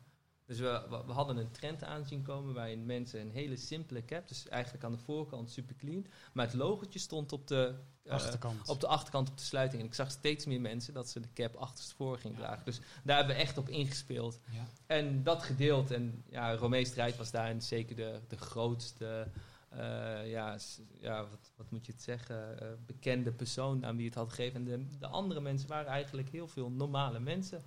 Maar het waren allemaal, eh, ja, coole mensen uit Amsterdam, denk ik. En dat is eigenlijk zo gegaan. Niks gedwongen. Dus ja, zo is het gegaan. En op een Tumblr zag iedereen dat voorbij komen. En het ging zo snel. En ik denk dat iedereen hongerig was naar een product. Eh, om eigenaar van een product te zijn waarin je de eigenaar kent of eh, weet waar het is geproduceerd. En daar heel veel liefde had. Na Fresh Cotton met Quality Blanks besloot je dan om echt voor jezelf te beginnen. Ja. Ehm, wist je meteen wat dat moest zijn? Ehm, wij hadden in eind 2014 hadden wij een gesprek met Vodafone. En dat ging via Vice. eh, waarin ze... ehm, ja, het, het is een concept. Dat heet de eerste... ehm, eerste runway. Voor mij was dat dan in, die- in dat geval, zeg maar. Dus de eerste keer dat ik een catwalk show zou gaan doen. Dus van denims naar een cap naar een hele collectie. Eh, dus dat is een grote stap. En eh, daar hebben we tekeningen laten maken bij Hoe, hoeveel stuks moet je dan eigenlijk hebben? Zit daar nog een regel aan of mag je dat zelf bepalen? Ja, ik denk dat er iets van wat normaal is 11, 12, 13 modellen die je over de catwalk moeten hebben lopen. En dan dat moet volledig gekleed worden. Ja. Dus dat zijn behoorlijk eh, wat items. En wij bedachten ons van, oké, laten we daar een tekening van maken. Dus een, een meisje die toenmalig, eh collega van mij was bij Tommy, kon ongelooflijk goed tekenen. Werkte bij Artes. Ik kon gewoon niet zo mooi tekenen. En die heb ik alle tekeningen laten maken die ik in mijn hoofd had. En dat heb ik gepresenteerd. En eh, denim was een hot topic in eh, Nederland. En ze wouden dat op een andere manier laten zien dan de double RL, eh, replay, diesel. Op een nieuw verjongende manier. En dat paste gewoon goed in het verhaal wat eh, Vodafone en wat eh, Mercedes-Benz Fashion Week op dat moment wou presenteren. En dat is echt letterlijk de start van mijn merk. Dus ik zeg vaak eigenlijk 2014, 2015 is pas het merk echt, echt ontstaan. Heb je toen ook nog gedacht van misschien moet ik een andere naam nemen of ik hou deze naam?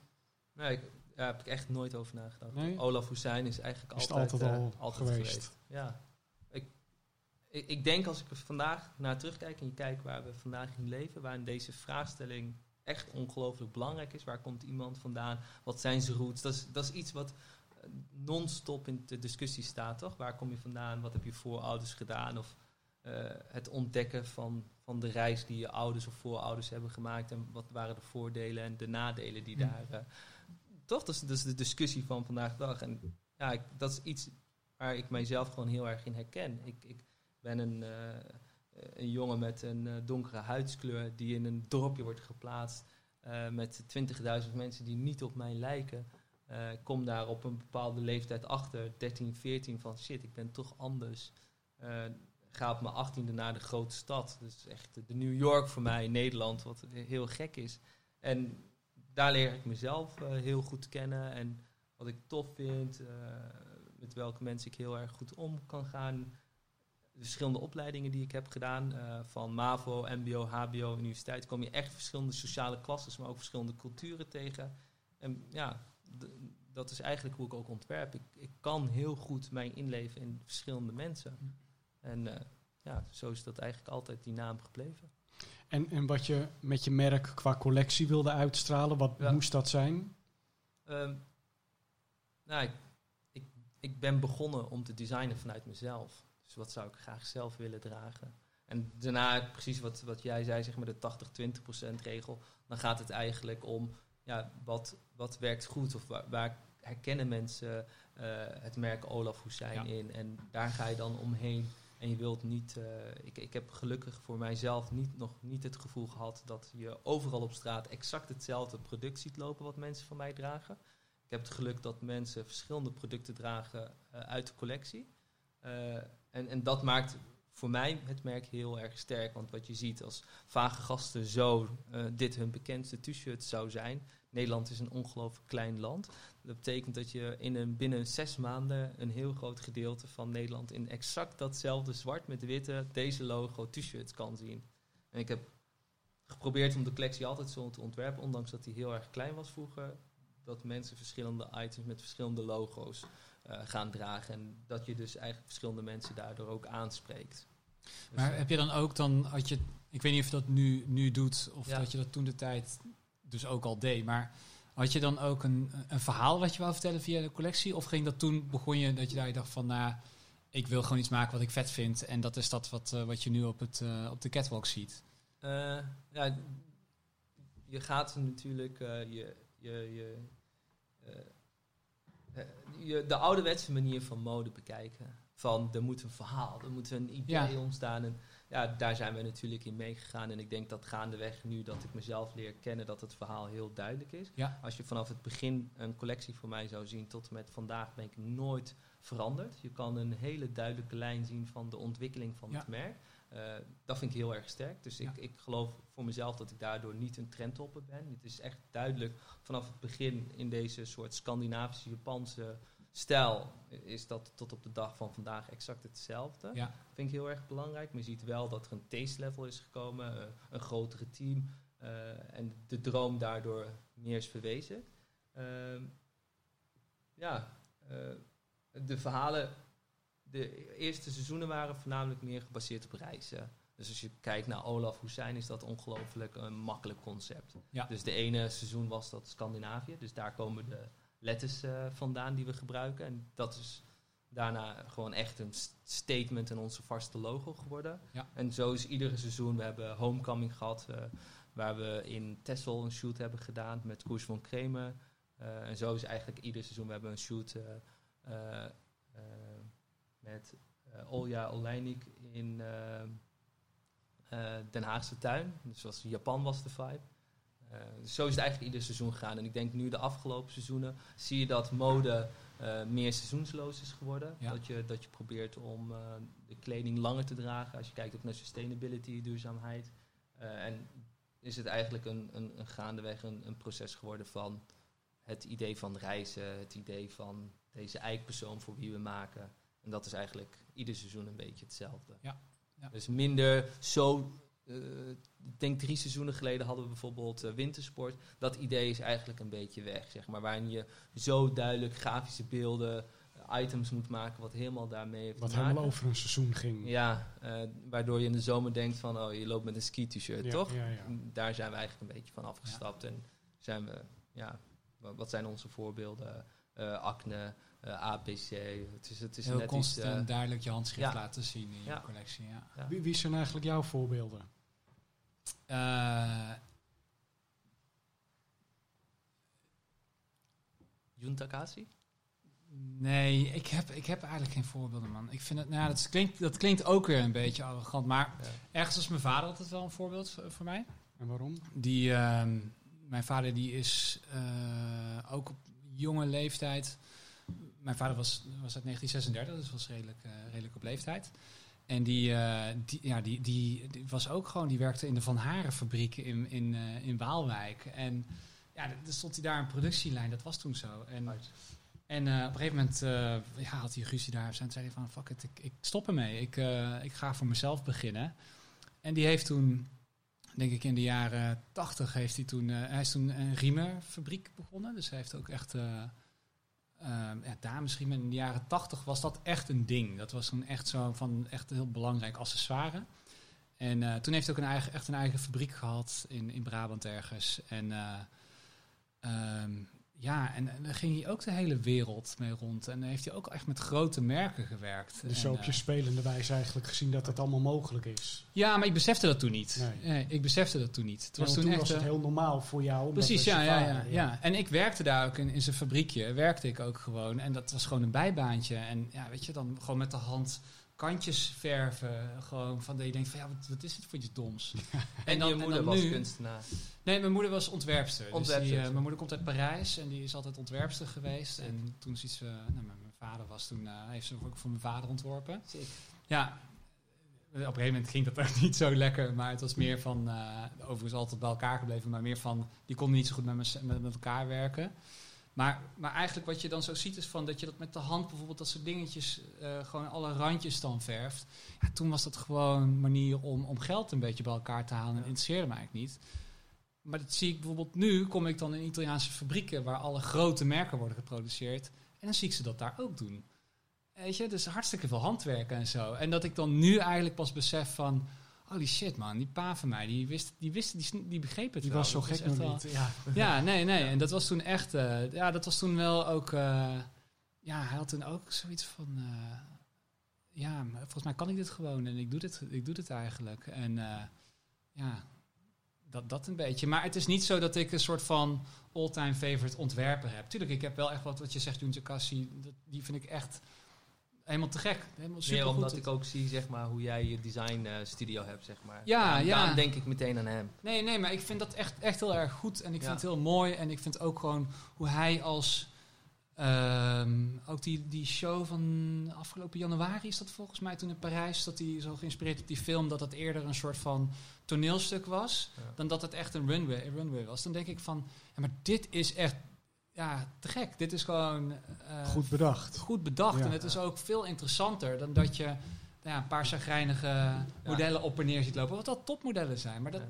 ik, ik vind dat niet interessant of zo. En, ehm, Maar ook Maar hoe dat hij zijn design studio eh, heeft, is ook toch? ja, daar ben ik dan niet zo heel bekend mee hoe, hoe, hoe dat, hoe dat is. Maar, ehm, maar, maar wat ik wel... Ik, ik vind...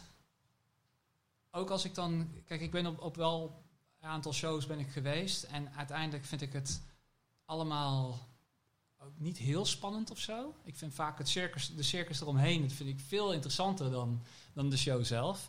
En dan als er zo'n zo'n undercover dan komt met, met zo'n show, of de laatste show van Valentino, ik weet niet of je, of je die hebt gezien, op Pier Paolo, dat eh, samen met Nick Knight hebben ze dat gedaan. Ja, dat is ook een soort van, bijna een, een, een voorstelling was dat, eh, is dat. En dan denk ik van, wauw man, dit is echt een andere manier. Het is een vernieuwing. En dat Ja. is ja, iets waar ik altijd naar op zoek ben. En, en het is niet zo dat ik... Ja, ik heb echt wel respect voor ontwerpers hoor. Ik heb ook echt wel een aantal mensen dat ik denk van... Ja, weet je, het is echt al goed gedaan. Het is echt wel... Ik heb heel veel respect van hoe, hoe Pier Paolo Piccioli van Valentino... Hoe, hoe, hij, hoe hij dat doet, dat is echt geniaal. Ja. En, en eh, ook, maar ook hoe Virgil het heeft gedaan. Dat is eigenlijk ook gewoon geniaal. En ja, ik denk dat dat, dat, dat misschien een beetje, eh, ja... Ik, ja, ik heb gewoon heel veel respect voor hoe, die- hoe die mensen dat hebben opgebouwd. En eigenlijk ook, ja, weet je, ook Virgil en ook Pierpaolo. Dat zijn natuurlijk ook gewoon mensen die... Pierpaolo, die, die, die, die was daar gewoon in dienst. En op een gegeven moment zei eh, Valentino van, ja, doe jij het maar. Ja, hetzelfde Oh, als eh, Gucci. Ja, precies. Maar toch ik, wel grappig, want ik had verwacht dat je Takashi of eh, Virgil zou zeggen. Maar ook wel fijn in die zin dat dat geen voorbeelden voor je zijn hè, als idolen. Ja, Omdat ja, op een gegeven moment eh, kwam je echt in contact met ze. Hoe ging dat eigenlijk?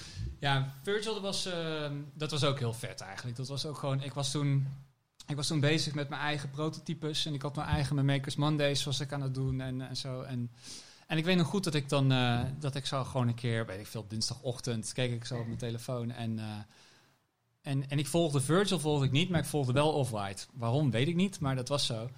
En toen zag ik eh, een bericht van Off-White. Ik zo van, yo, I like your stuff. Uh, let's do a shoot together. En toen zag ik dat Virgil in mijn... Let's in we een shoot. een shoe.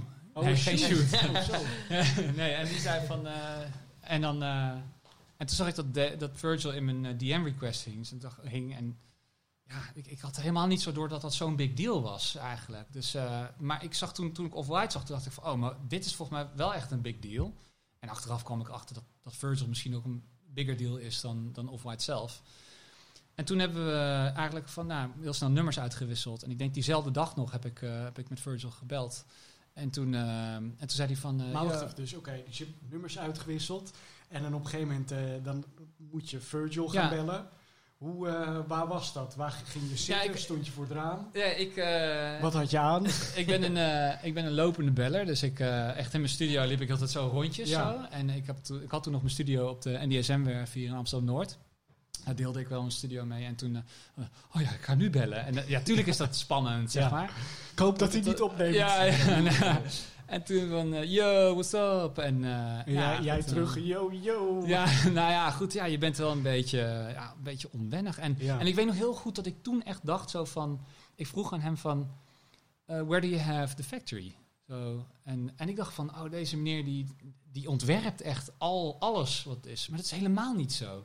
En ik heb dat echt, nog, echt, ja, echt lang gedacht. Hij is creatief directeur. Dat betekent gewoon dat je... hij- Hij stuurt, hij stuurt een merk een richting op. Maar uiteindelijk zijn er natuurlijk andere mensen die, die het voornamelijk uittekenen en voornamelijk uitwerken. Maar ik had dat toen helemaal niet door hoe dat werkt. Nee, met eigenlijk ook helemaal niet. Nee, maar en dat, en, en dat heb ik toen wel in de levende lijf eh, ondervonden. Ehm, maar goed, het kwam er toen op neer dat ze Maar hoe van, ja, dan? Hoe heb je dat aan levende lijf ondervonden? Nou, hij heeft toen... Jij dacht, jullie gaan samen knutselen aan een tafel. Ja, dat dacht ik. Dat dacht ik. Ik dacht zo. Ja, ik dacht echt van, oké, hij gaat tekenen, ik ga tekenen. We Ja. komen zo soort van echt een soort van Hey samenwerking. Virgil, can you give me de stofzuigerslang? ja. ja, nou ja. ehm, hij, had toen, ehm, hij had toen een show in eh, Florence. Dan zei hij van, yo, ik ga een show doen. Hij had toen eh, de PT Uomo. Dat is dan ehm, de, de, de belangrijke Heren- eh, heren ja, beurs eigenlijk daar. Ja. En die nodigen dan i- ieder jaar, ieder jaar nodigen ze één ontwerper uit en die mag daar een grote show doen. En zei hij van ja, ik heb daar een show. En ik wil met jou een schoen doen. En toen dacht ik, ja, vet, eh, let's do it. Hij zei, ja, moet wel over drie weken af zijn. Toen kut. En ik weet nog goed dat ik toen, ik begon toen en het eerste ding wat ik ging doen is schetsen. Met mijn hand. Gewoon pen en papier. Maar het was toen wel echt zo van, ah ja, dit is wel echt, eh, ja, dit is gewoon real life, zeg maar. Dit is niet meer voor de lol, dit is echt zo. En ik, ja, dan, dan word je onzeker en ik ben toen gaan schetsen. En dus ik stuurde dat eh, zo naar hem door, zo een hele dag geschetst. En toen zei hij van, ja, alles via, ging alles via, ging via WhatsApp. Dus het Ja. was eh, ja, gewoon geen Skype of dat soort dingen toen. En, eh, en toen stuurde hij gewoon heel veel photoshops door. En toen dacht ik, kut, ik ben het echt... Dit is, ik ben het gewoon aan het verpesten. Dit is gewoon niet oké. Begon hij met een directie? Zeg maar gewoon een Nee. gevoel of helemaal nee, niks? Nee, hij zei ook van, ik vind je schoenen tof. Ja, Laten we, laten we wat doen. En toen... Ja, en ik, ik was toen best wel een soort van flabbergasted met, met die best wel slechte photoshops. Maar het ging een soort collage. En toen dacht ik, shit, ik ga de hele, hele verkeerde kant op. Hij, hij wil niet meer mee aan de slag. En toen weer zei mijn meisje van, waarom ga je schetsen? Hij vraagt je toch om, om de dingen die je maakt. En toen dacht ik, ja, eigenlijk heeft ze ook wel helemaal gelijk. En toen ben ik hier naar de episode gegaan en ik ben naar, de, eh, naar, naar allerlei winkels ben ik gegaan. En toen heb ik echt voor veel geld heb ik gewoon sneakers gekocht.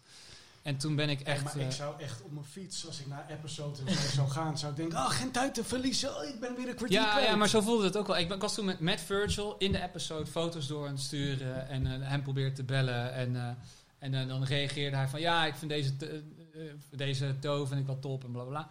En uiteindelijk heb ik ehm, een soort van classics gekocht. En, en toen ben ik aan de slag gegaan. Toen ben ik gewoon dingen kapot gaan maken. Toen ben ik in elkaar gaan doen. En uiteindelijk had ik dan een, ehm, een soort van hele grove schets. En toen zei hij van, yes, this is it. En, eh, maar ja, ook gewoon op mijn manier. Dus ik ben echt, eh, ik, ik, had, een- ik heb een stikmachientje, ik ben met dubbelzijdig plakband ben ik aan de slag gegaan. Ik, heb, eh, ik had het idee van de één gedeelte moet een knitted sok moet er zijn. Maar ja, ik heb geen knitmachine. Dus toen ben ik gewoon echt letterlijk naar het kruidvat gegaan. Dan heb ik gewoon zo'n zo'n enkelband van een euro gekocht. Die heb ik verknipt, want het gaat puur erom van, oké, Ah, ja. van, snap je, snap je ja, een beetje wat ik bedoel? En het, het moest echt een Uiteindelijk soort van... maakt de fabriek dat wel. Ja, ja, Ja. dat was daar ook al mooi. Want ik ging toen met die prototypes. Ik had er toen twee gemaakt. En het was helemaal de shit daar voor het eerst in Italië zo. En eh, nou, toen kwam Virgil binnen. Yo, what's up? En nou, gauw ook met, eh, echt met de mooiste fabrikant eh, van Italië. Daar hadden we toen mee afgesproken. En dat waren echt van die Italiaanse dames. Die, die, kwa- die, kwamen toen daar aan. En ehm, Die waren op jou aan het wachten van wat het moest worden. ja, weet je, en toen heb ik echt die prototypes zo in elkaar geknutseld. Zo echt zo MacGyver te- manier. Ben ik dat zo op tafel gaan zetten. En ik, ja, mijn Italiaans eh, is niet goed. En het enige wat ik weet is dat ze daar zo op dat knitted gedeelte. En toen zei ze orthopedico. Zo echt zo, ik zo, kut. Ja, inderdaad, kruidvat, 1 euro. En, en die hebben dat toen eh, nagemaakt. En, eh, toen, eigenlijk hebben ze dat, ik had ook een illustrated tekening gemaakt. Want we het ontwerp natuurlijk al wat, wat aangepast en meer eigen gemaakt en zo. En eh, toen ben ik naar die fab- fabriek gegaan, waar ze ook... Ik heb toen die originele Triple S, heb ik dat ook in mijn handen gehad. En die zeiden van, ja, we hebben dat, eh, wij hebben produceren dat hier. Ik zei, holy shit man, dat was toen echt een big deal. En eh, ja, toen was dat zo goed gegaan. En toen hebben ze mij gevraagd van, zou je de hele collectie willen doen? De hele herencollectie. En ik had dat nog nooit gedaan. Ik had nog nooit een hele collectie gedaan. En ik zo, tuurlijk, is goed, let's do it. En eh, ja, heel mijn vakantie heb ik schoenen moeten tekenen uiteindelijk. Hoe- En, hoeveel eh, moest er eh, komen? ja, volgens mij heb ik toen uiteindelijk iets van ehm 12 modellen. En dan per model nog heel wat kleuren en, en, en, en materialen. En ik ben toen samen met iemand daarbij Off-White, dat was dan meer developer. Die, ben, hebben- met z'n tweeën hebben we dat echt in no time hebben we die collectie neergezet. En ja, dat hebben we dan, ik heb dat een jaar heb ik dat gedaan.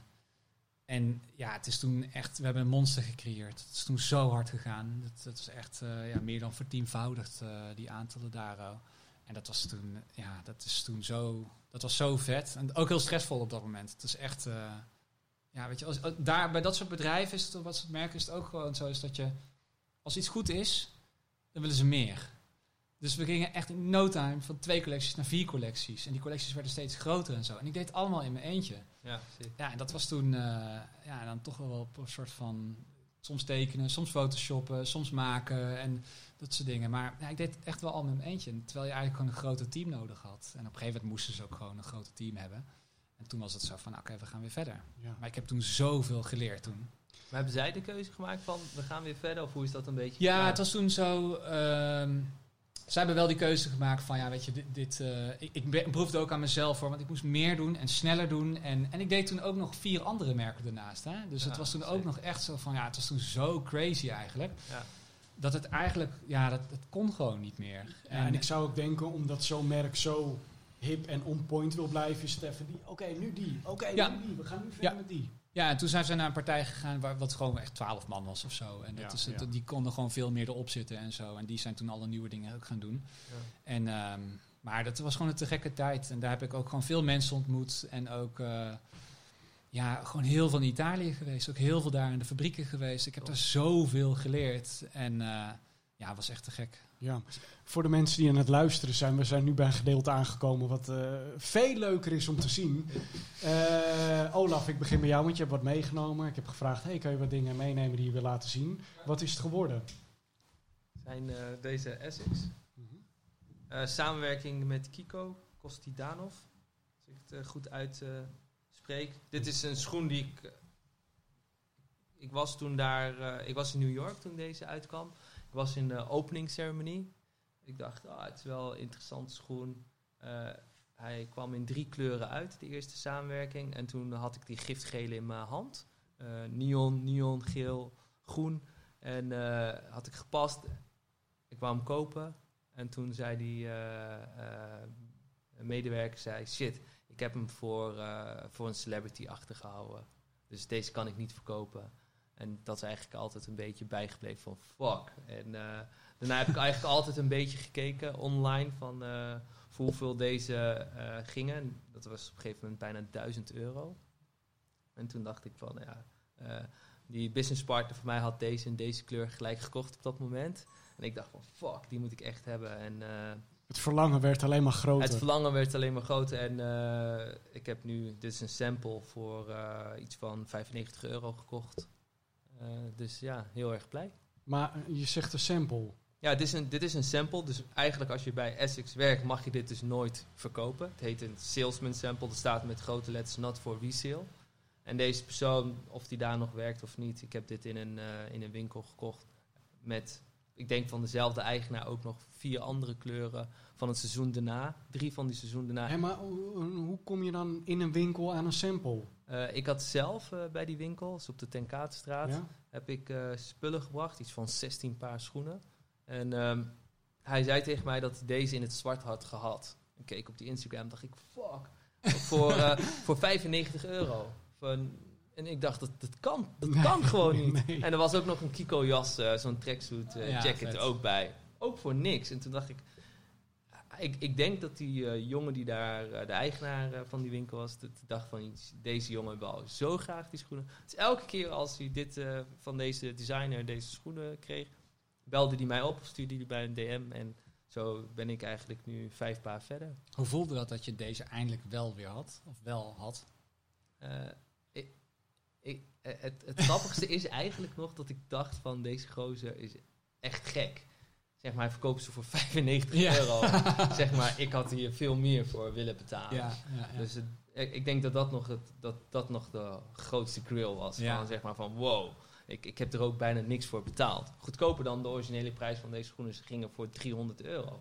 Dat was ongelooflijk veel geld. Ja. eh. En, en nog eens een sample, dat vind ik nog mooier, want dan heb je iets wat niemand heeft. en ik heb gelukkig een sample size. Dus dat, Ja, dat, dat, nice. dat, dat, is, dat is het een heeft start. zo moeten zijn. Het heeft zo moeten zijn. en je hebt Dus, nog een eh, paar bij je, nou daar kunnen we niet omheen. Nee. Vind ik eigenlijk helemaal niks voor jou. Nee, ik heb ze ook... Ik, Heftig. ik heb ze ook bij de Bijenkorf gekocht.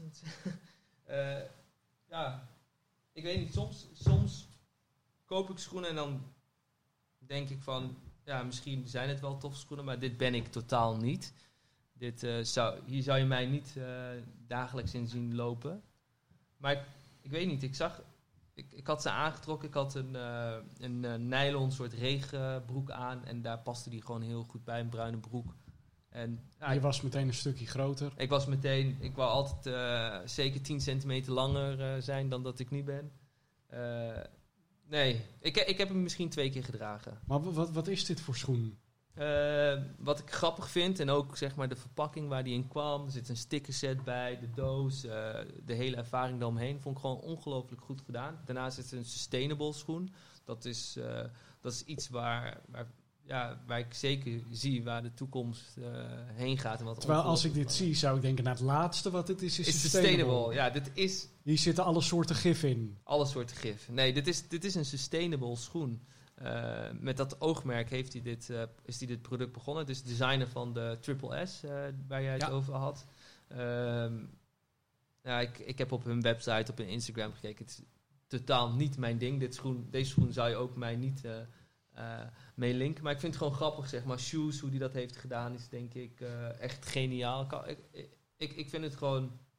Ja, Hoezo vind je het geniaal? eh, er staat de shoes, maar het is cijfers 5 Ja? Zie je op de kop? Of Ja, niet? ja. Ja, ik zie de cijfers. Ja, ik vind, ik, ik vind dat... Als dat je merk is, zeg maar, shoes... En je kan het zo, zo eh, deponeren, zeg maar, als Ja. merk zijnde... Vind ik het echt... Ik vind het gewoon geniaal. Maar hij heeft het, het nummer als merk gedeponeerd. Ja, 53045. Ah ja, oh, dat is wel grappig. Ja, ik snap hem. Ja, dus in plaats van shoes. En ja, dat, is- dat is zeker, ja, het is een sneaker. Maar ja, ik, ik vind het gewoon goed bedacht. Van Maar de uitwerking, er zit gewoon, er is gewoon goed over nagedacht. Het is, het is denk ik ook wederom een schoen die ongelooflijk lelijk is. Eh, ziet er meer uit als iets van eh, een idee eh, die iemand had. Wat voor mijn gevoel niet een dagelijkse schoen Waar gewoon geen concessies aan gedaan zijn. Juist, eh, dus sowieso niet een commerciële schoen die veel mensen zullen dragen. Eh, ja, ik weet niet, ik, ik werd er gewoon op verliefd en eh, ja. Maar wat kostte dit? Ik ben sowieso een sales op. Ik, ik denk iets van. de originele prijs is iets in de 450, 500 Oh, ja. euro. En ik heb er 120 voor betaald. Netjes. Ja. Mathieu, jij hebt een hele bak mee. Hele bak, ik zag het. Ja. Ehm, zal ik hem proberen chronologisch? Ja, ja niet helemaal. Oké, ik denk een van mijn ja, ik weet niet. belangrijkste, of belangrijkste, nou, niet een van de belangrijkste. Ik heb toen eh, mijn IKEA-schoen heb ik eh, ooit gemaakt. Dus dat is denk een van mijn grootste ja, viral hits. Dat klinkt nu een beetje vies eigenlijk, maar dat is wel zo. Ehm, ook een schoen, dat was toen, eh, toen had Balenciaga, die heeft toen net die, had die, die Ikea-tas, de, ik weet even niet hoe die heet. Maar eh, die hadden ze toen eh, nagemaakt en dan in hun leer. Dus die was dan in plaats van 2 euro, was die 2000 euro of zoiets. Ja. En ze waren toen ook on fire met hun, die knitted ehm, eh, sneaker. Dat was toen, eh, dat was toen echt eh, helemaal tof. Ja, dat is dit. Ja. En toen had, dacht ik van, weet je wat, ik ga hem, ik ga hem om, eh, omdraaien. Dus Ja. eh, met van hun, van hun tas ga ik zo'n soort ding doen. En het, ja, wat je ziet, het is echt gewoon met dubbel tape is het zo. En dat was toen eigenlijk een soort van grap, heb ik toen eh, gedaan. En eh, Van wie is de sol? eh, die heb ik ooit een keer van iemand gekregen. Ook gewoon zo'n, ja, voor mijn AliExpress, eh had iemand een hele tas vol. zei van, yo, wil je dat hebben? Ik zei, nou, is goed, weet je. En, eh, en, en, en eh, ja, echt een half uurtje gemaakt. En toen dacht ik, ja, zal ik dit doen? Ja, en dat is toen echt... eh, ik heb toen denk ik wel meer dan 100 aanvragen gekregen van... joh, wil je dit voor me maken? En doe je Eh, dat dan? Nee. Nee, En waarom niet? nee ja, het is, er zit zoveel werk in. En dan heb je het eenmaal, eenmaal en dan, dan heb je de... Dan komt ook nog eh, een soort van after-sales-achtig iets. Want stel nou voor dat er dan... Ja, voor hoeveel moet je zoiets verkopen? Oh, dan ja. verkoop je het en dan is het zo van... Hij ja, past toch niet? Kan hij ik past er ruilen? niet, kan ik ruilen, er is iets kapot aan of dat soort dingen. Ja, dat vind ik niet interessant. En, en ik heb altijd wel gezegd van, ik ben geen customizer, ik ben een ontwerper. Dus als ik dit ga, mijn eigen productielijn ga maken, dan ga ik wel echt richting een eh, customizer.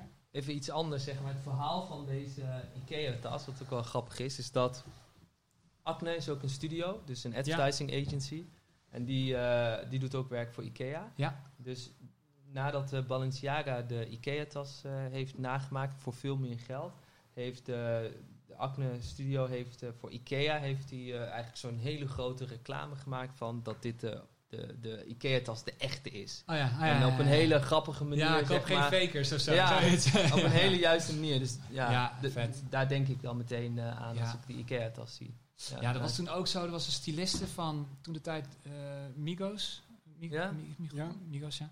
En eh, die zei van, yo, ik doe dat ook, eh, wil je dat ook voor hun maken? En toen dacht ik even van, ja, misschien zou ik dat wel voor hun, voor, voor hun willen maken, maar uiteindelijk eh, toch ook, ook niet. Nee, oh ja, dat had ik dan weer zeker wel gedaan. Ja, maar dat Zo was denk toen ja, ook zo van, dat paar. kwam toen een... Hè, sorry? Drie paar, ja, dat doe ik wel. Ja, nou ja, goed, het was toen... En dan was het ook maar de vraag of ze het überhaupt zouden dragen. Ja. Dus het was toen zo interessant. Maar nou Eh. zei je net van eh, geen customizer, maar ik zou dan toch denken, dit is allemaal gecustomized, toch? Ja, maar wat ik Of ik eigenlijk doe, is een- dat ik dan... Wacht, ik zal een paar dingen op tafel zetten. Ja. Is, ehm, wat ik min of meer doe, is dat ik eigenlijk een soort van... eh, ja, het is, het is ergens... Kan ik me voorstellen dat het zo tegen het customizen aan zit. Ehm, maar voor mij, ik zie het gewoon meer als experimenten. Dus ehm, wat nou als je... ik, ik kom er eigenlijk achter dat ik, doordat ik dingen maak, kom ik eh, achter hele andere details, achter hele andere lijnen, kom ik achter dan dat ik eh, dingen ehm, zou tekenen. Dus eh, net, als, net als die Flyknit die ik hier al heb, is dat het gewoon, het zijn allemaal price tags die ik heb. Maar dat is meer ook van hoe kan je een nieuw materiaal maken van een materiaal wat er, wat er eigenlijk niet is. En wat er eigenlijk niet in schoenen hoort. Dat is het meer een beetje. En ik vind dit eh, ja, bijna een soort van ja, haute couture materiaal eigenlijk. Een soort van veren gevoel. ehm, schoen die je nou in je handen hebt, dan gaat het er meer over van, maar wat nou als, een, als een veter uit één stuk bestaat en op een andere manier eh, aan elkaar vastzit? Hoe gaat dat er dan uitzien? Ehm, Weet die designer doet mij dit wel aan denken. ja, Chris van Asje. Chris ja. van Asje, Ja, ja. Toen, ik, toen ik hem af had, toen dacht ik van, fuck, hij lijkt inderdaad ergens op. En dat was gewoon een ongeëvenaard genie Precies, ja. in die tijd. Ja, ja. Ja. Kijk, en deze en, en de schoenen 90% is niet draagbaar, hè? Dus dat is ook gewoon, dat is ook helemaal niet helemaal Dat is niet de intentie. Nee, en het is ook hierbij ging het er meer over van, dit zijn ehm, van die rubbertjes die je dan vindt, die had ik bij. Krimkousen. Ja, dus ik was toen bij zo'n modellen, eh, zo, nee, zo'n zo'n zo'n het, zo'n automodel model, eh, modelleer dingetje, dus Ja? dat je van die afstandsbestuurbare auto's zelf Oh, kan ja. maken. Dat ik daar heel veel materiaal van, nou kijk wat we daarmee kunnen doen. Grappig man. Ehm, ja, di- dingen inpakken, dat is is even, dat is een, ja, dat vind ik zelf gewoon heel erg lekker eruit zien. Dus gewoon bestaande schoenen, dat je dat daarmee gaat kijken van, oké, maar wat, hoe kun je daar andere vormen in brengen? Of hoe kun je dat anders benaderen, weet je? Een Air Force One. Ja, dat vind ik echt heel leuk wat je hiermee hebt gedaan. Ja, dit Ja, serieus. Oké. Ja. Ja, dat nee, zei je op zo'n sarcastische Ja, manier. Ik, heb deze namelijk ook. En, Ja. eh, Ja. Ik zou heel graag eh, die zak eraf willen halen. Ja. Maar ja, ik Ja. durf het niet, omdat ik denk, ja, wat kom ik voor problemen kom ik gaandeweg tegen. Maar ik was mede door het internet eigenlijk alleen maar gefocust op het verwijderen van die zak Ja. voor dit. Ja. En bij jou zag ik toen pas voor het eerst, ja, ja stom, die zak kan je Ja. natuurlijk zelf ook voor Ja, daarom heb ik deze drie ook meegenomen. Dus eigenlijk, ik heb toen van, van Nike heb ik toen een, eh, een pakket gekregen. Dus ik had toen die Tom Sachs heb ik eh, van hen eh, gekregen. En, ehm, en toen dacht ik eerst, ja, wat moet ik hemelsnaam met dit ding doen? Ehm, toen had ik, ah, ja, gewoon heel simpel eerst die zak eraf gehaald. Want wat, het, ja, wat, ik, wat, wat er binnenin zat, vond ik eigenlijk veel mooier. En toen eigenlijk een paar maanden later, toen dacht ik van ja, maar die zak die kan ik ook voor andere dingen gebruiken. Ehm, dus toen heb ik ook zo een cover gemaakt zoals, je hem, zoals we hem hier hebben. Eh, daar heb ik dan wel een paardje van. Zoals je dat zo ziet. Maar wat ik gewoon hier heel interessant vind, is dat je gewoon, ja, je manipuleert eigenlijk de hele vorm. Maar iedereen weet wel dat er een Air Force One in zit. En, en dat vind ik er heel erg tof aan. Ehm, en toen nog een paar maanden later, want ik kreeg hem ook geleverd in een hele vette Tom Sachs eh, zak eigenlijk, of een soort van kartonnen iets. En daarmee ben ik toen ook gaan kijken van oké, hoe kan je dat materiaal op een andere manier gebruiken? En toen heb ik eigenlijk een soort van eh, ja, papieren, kartonnen Air Force One heb ik dan gebruikt. Ehm, maar ja, gewoon een heel klein detail, bijvoorbeeld wat je dan hier op de, op de neus ziet van ik zou dit nooit zo tekenen. Zo van oké, stel nou voor dat er een naad zit dat je dit is nu papier, maar het kan wel leer zijn die een kartelrand heeft, Ja, dat hij ja, hier ja, juist loslaat. En dan kan je een heel mooi effect kan je daar Ja. aan geven. En dit is dan bijvoorbeeld een, ja, dit is dan een voorbeeld waarvan ik denk van ja, nou zit hij hier, maar ik zou het in een ander ontwerp natuurlijk ook wel op een Ja. andere manier gebruiken. Maar Ik en zou zo- deze het- zeker dragen. Dus zeker, door, door die zak is het dan Ja. ook eigenlijk zo'n idee komt dan op je pad. Ja. Want wat je Ja. zegt, ja, als schetsend, als je het materiaal niet had, Ja, had je dat niet het is- gedaan. Het is gewoon echt gewoon. Ik heb dat soms heel lang op de studio liggen en dan denk ik in één keer van, hé, waarom zou ik niet iets met die zak gaan doen? Ja. Eh, weet je, ik heb zelfs tot, helemaal tot aan de tong heb ik deze. Eigenlijk heb ik deze Oh, naad ja. ook zo helemaal door laten lopen. Weet je, en dan ja, ga je eerst een beetje losknippen, een beetje neerleggen, een beetje kijken. En op een gegeven moment ben je er gewoon, ja, gewoon aan het maken eigenlijk. Ja. En dan, eh, ja, en dan heb je best wel snel een ontwerp. En ja, nogmaals, dit is niet iets wat ik heel graag, eh, wat, wat ik nog verder wil produceren. Maar het gaat er meer over van, hoe kan ik dit op een andere manier vertalen in andere ontwerpen? En ja, zo gebruik ik eigenlijk mijn, eh, mijn experimenten die ik hier allemaal eh, heb. Nou vertelde je net van, eh, ja, Nike had je dan die Tom Sachs gestuurd. Ja. Ehm, gaat dat eigenlijk altijd zo makkelijk? Dat als je denkt, nou, ik wil wat met een blazer doen. Hé, Nike, kan je er even een opsturen? Of koop je helemaal suf? Ja, ik ben daar iets te bescheiden voor. Het is echt... ehm, eh, soms koop ik wel, maar ik heb zeker in het begin hebben eh, de jongens van Sneakerjagers, die hebben me ook geholpen. Die hebben toen ook, eh, toen schreef ik zelf stukjes. Dat was het echt zo van, eh, eigenlijk over mijn eigen werk, een stukje. En toen was de deal zo dan ik dan van hun een schoen kreeg.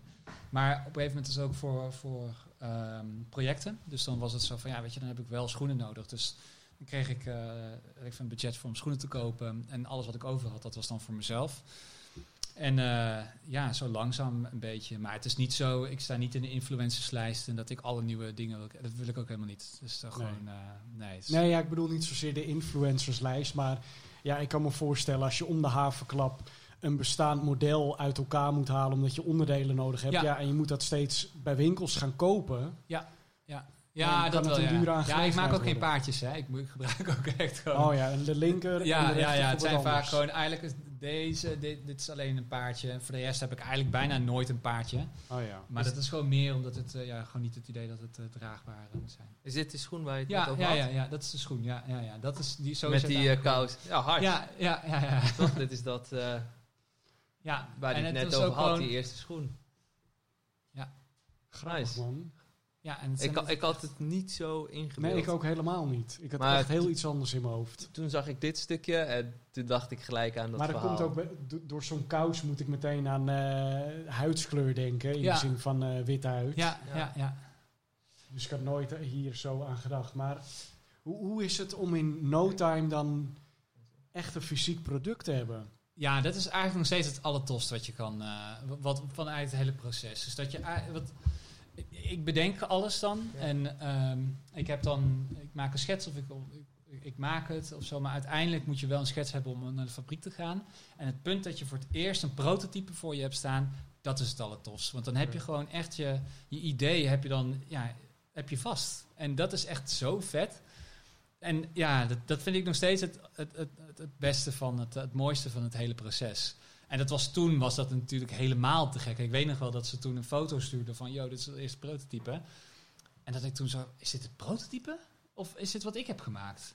En, en dat je toen echt zo van, oh, wow, dit is echt, ja, het is natuurlijk heel raar om dat in één keer zo te zien. En Ja. en ja, in positieve zin went het eigenlijk nooit. Het is gewoon, dus het is eigenlijk iedere keer is het gewoon heel erg vet. 2012. Ja, dat de, was de toen. Soul misschien? Ik weet niet. Ik denk dat zij in 2012 zijn begonnen. 2013, sorry. Oh, is dat eh, wanneer ze zijn begonnen? Ja, ik denk dat ze Ah, toen zijn begonnen. Ja, ja, ja. ja. heel nice. ja. Ik, ik zie hier eh, een beetje de Louis Vuitton eh, eh, schoen van Virgil. Van, eh, van, eh, van, van, van Kanye, weet je nog? Oh ja. Die, eh, die eerste Louis ja. Vuitton schoen, die gewoon, ik kijk gewoon... Wat, natuurlijk ja. heel vaak bij schoenen gebeurt. Dus Ja. kijk, dan kijk ik naar de voorkant en dan denk ik, oh ja, een beetje Jordan of Dunk. Nee, maar dat was ook het idee van deze schoenen. Was het gewoon echt een collage van andere schoenen. Van een aantal Ja. herkenbare dingen. En weet je, het is ook... eh, nee, dat is echt de Jordan. Dat is die... eh Ah. eh, Jordan? Deze? Ja, wat is zo Deze gewoon die dogbone. Die, Ah. is, dat, is dat de Jordan? Of jij weet dat beter, denk Ah. ik. Nou, Is ik, ja, ik dacht 1 gewoon of is dat een, Jordan 1. Ja, ja, ja. Dat is Jordan Hier? 1. Ja. Ja. Ah. Ja, ja. Er zit een Jordan in, zit een, een schoen van 30 euro die ik hier ergens bij een, eh, bij een vintage winkel Maar dus dat, dat is helemaal niet erg. Dat mag gewoon. Nou, dat is het concept van deze Ja. schoen, dus dat Ja. kan wel. Weet je? Ja. Dus dat is gewoon, dat is het Er- idee. Er wordt in ieder geval niet paniekerig gezegd, oh blijf daar heel ver vandaan. Ik Ja. zie de schoen van, eh, van de zipper. Dat is dit, niet? Ja. Toch? Ja. Die eh, soort eh, met Ja. van die ribbeltjes aan de voorkant. Klopt, ja. Ja. Nice. Grappig man. Ik zag op je Insta ook die eh, eh, Air Force One met eh, Takashi Murakami. eh, Ja, ja, ja, ja. Ik heb toen Takashi heb ik ontmoet bij... eh, en wat ik zei van die show, ik moest dan ook gewoon dagen van tevoren moest ik op een, op een studio moest ik dan zijn. Ze hebben dan een soort van tijdelijk studio of atelier zoals ze het noemen. En dan, ehm, ja, dan moest ik daar zijn nog gewoon als er iets met schoenen was, dan ja, weet ik veel. Dan moest, vaak deed ik niet heel veel, maar ik moest daar zijn. Maar dat was ook gewoon echt een feest, want je, ja, weet je, dan kwam in één keer, weet ik veel, Bella Hadid kwam binnenlopen of eh, kwam Future binnenlopen. Echt allemaal, ja, ook heel grote artiesten die, die ik niet ken. En ik weet nog wel dat er toen zo'n hele club aan, aan, aan ja, Japanners kwamen toen binnen. En ik, ik, zo, ik ken die man ergens van, ik weet echt niet wie het is. Dus ik vroeg dat toen op een gegeven moment. Van, ja, dat is Takashi Murakami. Ik zou, ja, ik weet het nog steeds niet, man. Dus ik zou googlen, zo, oh shit, hij is dat. En op een of andere manier ben ik toen, eh, ben ik toen eh, in gesprek geraakt met, met, met iemand daar. En die zei, wat doe je? Ik zei, nou, ik doe hier de schoenen van. En zei, ah, je, ik, ik liet toen zijn schoenen zien. En toen zei hij, ah, vet, vet, vet. Wil je met hem een foto? Ik zo, hè, hoezo? en toen stond hij naast mij. En ik zo, oh, gek. En uh, nou, dus toen liet ze dat zo zien. En, en uh, Takashi, die, die, die, vond het helemaal te vet. En uh, nou, dus wij op de foto en up je e-mailadres. En toen kreeg ik, de dag daarna kreeg ik een e-mail van Takashi nodigt je uit op zijn studio in Tokio. En toen kon ik niet. Ik, uh, het lukte me niet om te gaan. En toen, ja, daar baalde ik onwijs van. Maar we hadden toen wel een soort van besloten dat we later dat jaar ben ik met mijn vriendin naar, naar Tokio gegaan. En, uh, en toen zei ik Takashi van, yo, je bent in, uh, in Tokio, kom langs. En dat was zo'n vette ervaring. We, zijn toen, uh, we hebben toen alles van hem gezien. Dus we hebben toen ook uh, zijn animatiestudio gezien. Deze meneer heeft 300 man in dienst. Hè? Dus het is echt, echt een imperium wat hij heeft. We zijn zijn kantoor ge- binnengelopen, wat echt een soort van eh, Japanse steeg is dat, is dat nagemaakt door filmmakers. En dan heb je één hoek, is dan echt zo'n een wasserette. maar dat is dan hun administratieafdeling. En dan heb je de stripclub. En dat is dan hun, eh, weet ik veel, eh, logistiek of zo. En dus mensen zitten echt in scènes, zitten ze daar te werken. Echt Japans. En, en toen zijn we bij hem naar de studio, naar zijn studio gegaan. En dat moet je je voorstellen dat het dan twee of drie immense loodsen zijn. En eh, met al zijn werk daar. En heel veel mensen die het daar echt perfect hebben uit, uitgewerkt. En ook gewoon, dat je verf is helemaal genummerd. En je hebt daar gewoon overal potten liggen en zo. En eh, ja, hij zegt, hij is echt super leuk. Hij is ook super grappig. En we hebben ze ook gewoon een heel leuk gesprek gehad. En toen zei hij van, eh, laten we samen sneaker doen. En toen zei oh, oké, is goed. Ja, laten we dat doen. En toen zijn we met hem gaan uit eten en ook wat gaan drinken en zo. En ja, toen zei hij van, ik wil voor Parijs eh, Fashion Week wil ik eigenlijk een, eh, een, een, een schoen gaan doen.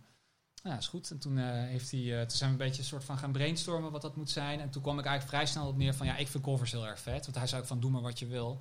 En toen heb ik wat snelle schetsjes gemaakt. En zei van, ja, laten we dit dan doen. Ja, is goed. En ehm, en toen heb ik de schoen overhandigd toen in Parijs. Zijn we samen naar de Off-White Show gegaan. En hij stapte uit en meteen iedereen foto's maken. En eh, van zijn schoenen van, stond ze helemaal te gek natuurlijk. En dat ging meteen ook gewoon overal rond. ja. En op een gegeven moment had ik het ook gedeeld. En eh, ja, dat was toen ook een crazy was dat eigenlijk. En, en Takashi moest vooral heel hard lachen. Die dacht, oh vet. En ik had twee paar voor hem gemaakt. Dus later had hij ook een show en dat een ander paardje. En dat ging ook weer zo rond. Ehm, en toen in Parijs hebben we toen eh, gezegd van, hé, hey, laten we een, laten we, toen was ComplexCon. En toen zei hij van, ja, ik iets met ComplexCon. Laten we nog iets, laten we nog iets met ComplexCon doen. Hoe, hoe zou je ComplexCon eh, omschrijven voor mensen die het niet kennen? Ik denk dat het eh, de sneaker Walhalla is van de wereld. En Dus dat was is, de eerste eh, keer ook, toch? Of niet? Nee, nee, nee, nee. Taka- nee volgens mij uh, uh, ComplexCon. Oh, dat we iets met Takashi deden. Nee, ComplexCon Nee, nee, zelf. nee. Was ComplexCon, dat is twee jaar geleden. Is dat. De ComplexCon bestaat al best wel lang. En Takashi is eigenlijk ook mede een soort van omarmd door de streetwear culture. Eh, vanwege dat hij ook dat hij daar bij ComplexCon is en dat hij ook huisstijl doet daar en zo. En, en het is eigenlijk gewoon een. Ik, ik ben daar niet geweest, ik kon toen niet. En, eh, maar het is echt een mensgrote beurs. Waar allemaal labels staan en alle, alles. Ja, iedereen die van Instagram kent. Maar Pharrell loopt er ook rond. eh, weet het, eh, Sean Withers, Weather, Witherspoon. Witherspoon, die, die loopt er ook rond. En Takashi loopt er natuurlijk ook rond. En we hadden toen met, een, met een aantal ontwerpers hadden we sneakers voor breakfast hadden we dan gedaan. Dus dan hadden we ieder had één schoen ontworpen. En eh, dan zou dat eh, geveld worden en alles wat we op hebben gehaald, dat zou dan, eh, dat ging dan goed doel. En ja, dat was ook gewoon een circus. Dat was echt, ik, ik was er niet eens bij en het was al een circus. En een t-shirt hebben we ontworpen. En dat, maar dat moet je je voorstellen dat het t-shirt, en zo was het uitverkocht. En die schoenen gingen gewoon, volgens mij was het voor mij, mijn schoen was volgens mij 7.500 dollar is die verkocht. Maar eh, Mr. Bailey, vriend van mij, die heeft toen zo die octopus schoen gemaakt. Ik weet niet of je die ooit hebt gezien. Die ging volgens mij voor 17.000 Sick. dollar weg. Ja. En eh, ja, en dat, het is zo'n gekke wereld. Ik heb daar zo hard om gelachen. En het was toen zo vet eigenlijk. En zelfs van de afstand. En, en wat dan ook weer het grappige is, je weet dan niet naar wie er naartoe gaat. En toen jaren later kreeg ik, of ja, twee jaar later of zo, ergens dit jaar. Toen waren die de Latin Music eh, Awards. Jamie Balvin. Nee, Ja. toen zag ik in één keer, eh weet je, Bad Bunny. Ah, die, ja. eh, ook, Grappig. die liep daar, die, liep, die had hij me in één keer. En ik zo. Sick. En ik probeerde nog met hem in contact te komen, ook via een vriend van mij. En ehm, ja, dat lukte er niet. Maar ja, geen idee. Spaanse artiesten zijn sowieso nummer één eigenlijk. Ja. eh. Ja, ja, ja Gewoon, en hoe zeg gekker, maar, hoe hoe beter ook. Ja, ja. Ja, Nou, maar nou- zeg maar gewoon het aantal streams zeg maar, van Spaanstalig Ja. eh, landen, toch? Zeg maar. Dus een, een J Balvin, een, al die Spaanse artiesten, Ja. kijk maar, die staan nog hoger dan Drake. Gigantisch, ja. Gigantisch. Ik heb Eh, zijn huis ook gezien, zeg maar, van, eh, gewoon op internet natuurlijk. Ah ja, oké. maar niet in het echt. Van J J- Balvin. Ja, Ik vond die nog best smaakvol. die is super smaakvol. Echt, ik dacht echt dat het een soort... eh, Zen, ja, zo'n, ja, het was een soort van fuckboy inrichting zou het worden. Maar ik zag dat toen ook van... Oh, ik had dat Goed echt gedaan. niet verwacht. Het Oh, is ja. echt heel smaakvol, ja. Ja, heel erg eh wabi sabi. eh, Ja, dat, ja. dat is zijn, eh, zijn motto. En eh, Ja. het is echt belachelijk mooi huis. Ja, heel Het is goed niet gedaan. Echt heel goed gedaan. Moet je eens kijken. Eh, we hebben het over sneakers uh, customizen en maken en dat soort toestanden. Ehm, nou hebben wij hier een onderdeel waarbij we een Air Max 1 gaan maken. Tenminste, uiteindelijk gaat Vice Bespokes gaat dat maken en jij kan die winnen. en elke keer vraag ik aan mijn gasten van oké, kies een onderdeel van die Air Max 1 uit. En dan mag jij vertellen welke kleur en welk materiaal het moet worden. Nou dacht ik eigenlijk dat in de vorige aflevering dat we dit project af zouden ronden.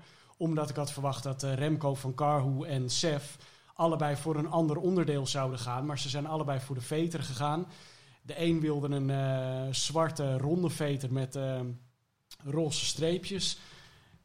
Uh, wilde een platte witte veter waar uiteindelijk de, de nickname van de schoen op komt te staan.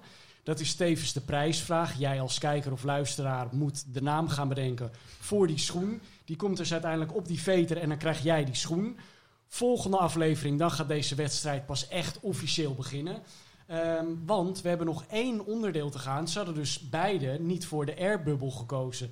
Die bleef deze aflevering over. Mathieu, ik heb jou gevraagd of je een ja. kleur wilde kiezen. En nou ja, doe zelf het woord. Ja. Zeg alles wat je wilt zeggen. Nou, het was zo'n...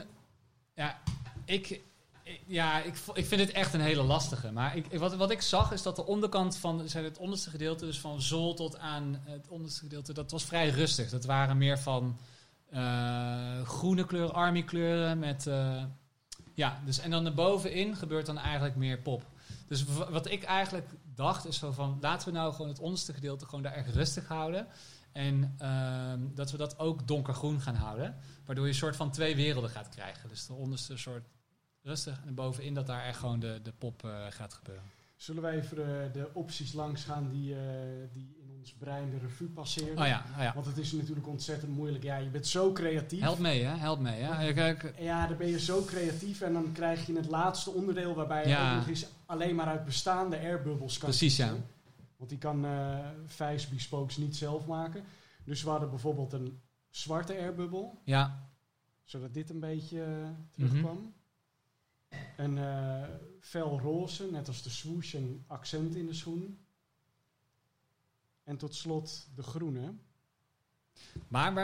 maar waarvan jij zei dat de groene waarschijnlijk ook iets donkerder wordt, toch? Nou, ik denk eigenlijk dat iedere kleur iets eh, minder op gaat vallen. Ja, Omdat, kijk, hier kijk je recht in de airbubbel en normaal gesproken... ja zo in- schuin van boven, dat je het dan Ja, niet de met... schoen en Ja, het raampje is kleiner. Ja, Dus ik denk dat bijvoorbeeld het fel roze minder heftig wordt dan hoe die hier op de tekening Ja. eh, te zien is. Ja, ik vind groen ook nog steeds het mooist. Ik denk roze is wel echt... eh, ja, het is wel een eye-catcher, dat wel. inderdaad. Niet wie ik zelf ben, zeg maar, maar ik vind... Ja, hij is wel nice, die roze ook. Maar doet... Ja, Ja, weet je, kijk, aan de ene kant, we kunnen hem ook roze maken. ja. Want dan gaan we gewoon all in. En dan wordt het gewoon echt dat je mensen van ver zien dat het een, eh, Dat een het een, uniek, eh, uniek paardje is. Maar ik vind die groen heel tasteful. Zelf denk ik van we gaan voor tasteful. We, ik zou zelf, als ik hem zou dragen, zou ik hem in het groen dragen. Ik ook.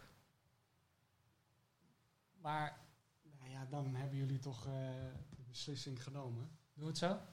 Mag ik nog eens een keer kijken?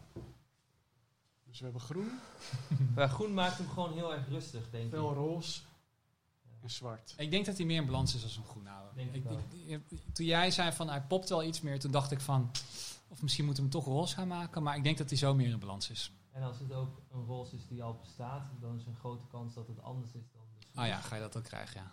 En ik denk dat het bij die groen, die airbubble en dan, eh, ik weet niet wat voor materiaal het is, zeg maar, dat het niet uitmaakt. Want dat is dan rubber, Ja. zeg maar, toch? Dus in- en, en iets synthetisch ten opzichte van het andere groen. Dus Ja. dat kan al veel eerder. Ik zie Toch? een beetje aan jou dat je zelf een andere voorkeur had. Nee, nee, nee. Ik, vertellen, ik, vind, het echt heel erg moeilijk. Ik zat vandaag de hele tijd door mijn telefoon te scrollen. En dan, dan keek ik naar deze en dacht ik, ja, maar dit is wel mooi. Want dan komt dat zwart zo weer hier terug. Dan voelt als hij goed, eh goed Maar dat kan je ook van roze zeggen.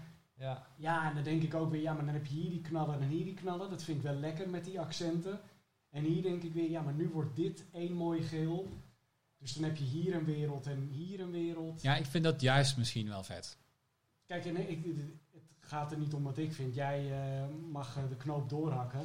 Ik vind het ook heel leuk om juist de, de kijker mee te nemen in dit proces. Want die zit nu misschien te denken, nee, kies zwart. Nee, kies groen, weet je wel. Maar ja, het is, nou ja, het is aan jou. Maar eigenlijk zeggen we, of je gaat groen, of je gaat roze. Ja. Ja, ik vind zwart de, de minste. Ja, De daar ben ik het wel mee eens. Persoonlijk zou ik groen zeggen. Ik ook. Maar zeg jij nou van dat je ook de kijker mee, wil- mee wil laten beslissen? Als ik nu de knopen doorhak, zeg ik groen. Dan wordt het groen. Oké. Oké, dat hebben we behandeld. Nou wil ik nog... eh, Ik ga me deze schoen weggeven. Ja. eh, ik wil nog graag één ding met jou eh, bespreken, alsof het er niets is. Eh, Ja. Kijk, we zijn eigenlijk een beetje aan het einde gekomen, maar ja, toch wil ik dit nog van je weten. Ja. Want op een gegeven moment ben jij een eigen winkel begonnen. Ja. Op de Prinsengracht. Ja? Ja. Eh, op een gegeven moment was het moment daar. Ja, het is jammer dat we wegens tijdgebrek hier doorheen moeten razen. Ja. Maar ik moest vandaag nog aan je denken. Want het regende ontzettend hard. En op een gegeven moment ging jij de volgende stap maken naar een grotere vestiging. Ja. De winkel was helemaal klaar. Spik en span. Ja. En in welke nachtmerrie belandde jij toen? Ik, denk dat dat sowieso voor een ondernemer een, een, een, een wekelijkse, eh, maandelijkse struggle is. Er, is. er zijn hele hoge pieken en ook eh, diepe dalen. Ik denk dat ik daar in de tussentijd wel echt aan gewend ben. Ik ben eh volgende, nee, deze vrijdag word ik 35. Dat is best oud voor wie ik, eh, wie ik eh, was eh, toen ik dit begon. En ehm, ik ben daar ook gewoon wat rustiger in geworden. Dus dat ik, dat, dat, ik, heb ook het gevoel dat ik altijd Maar wat is er gebeurd dan? ik heb na een week, ik denk, ik denk een week na de opening, had ik een waterschade.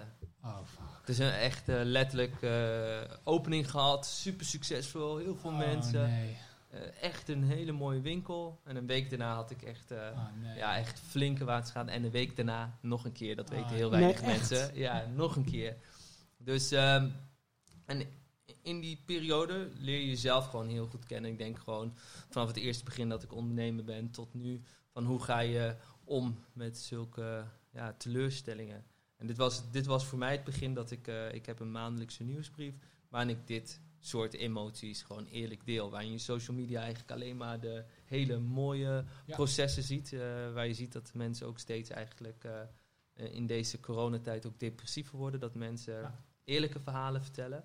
Begon ik, dat is iets van 7, 8 maanden geleden, begon ik al te vertellen over de, ja, de, ja, de slechte kant eigenlijk. Of de kutdingen die je als ondernemer meemaakt. op een hele eerlijke manier. Ja. En, Maar de- hoe snel was je winkel weer gefixt?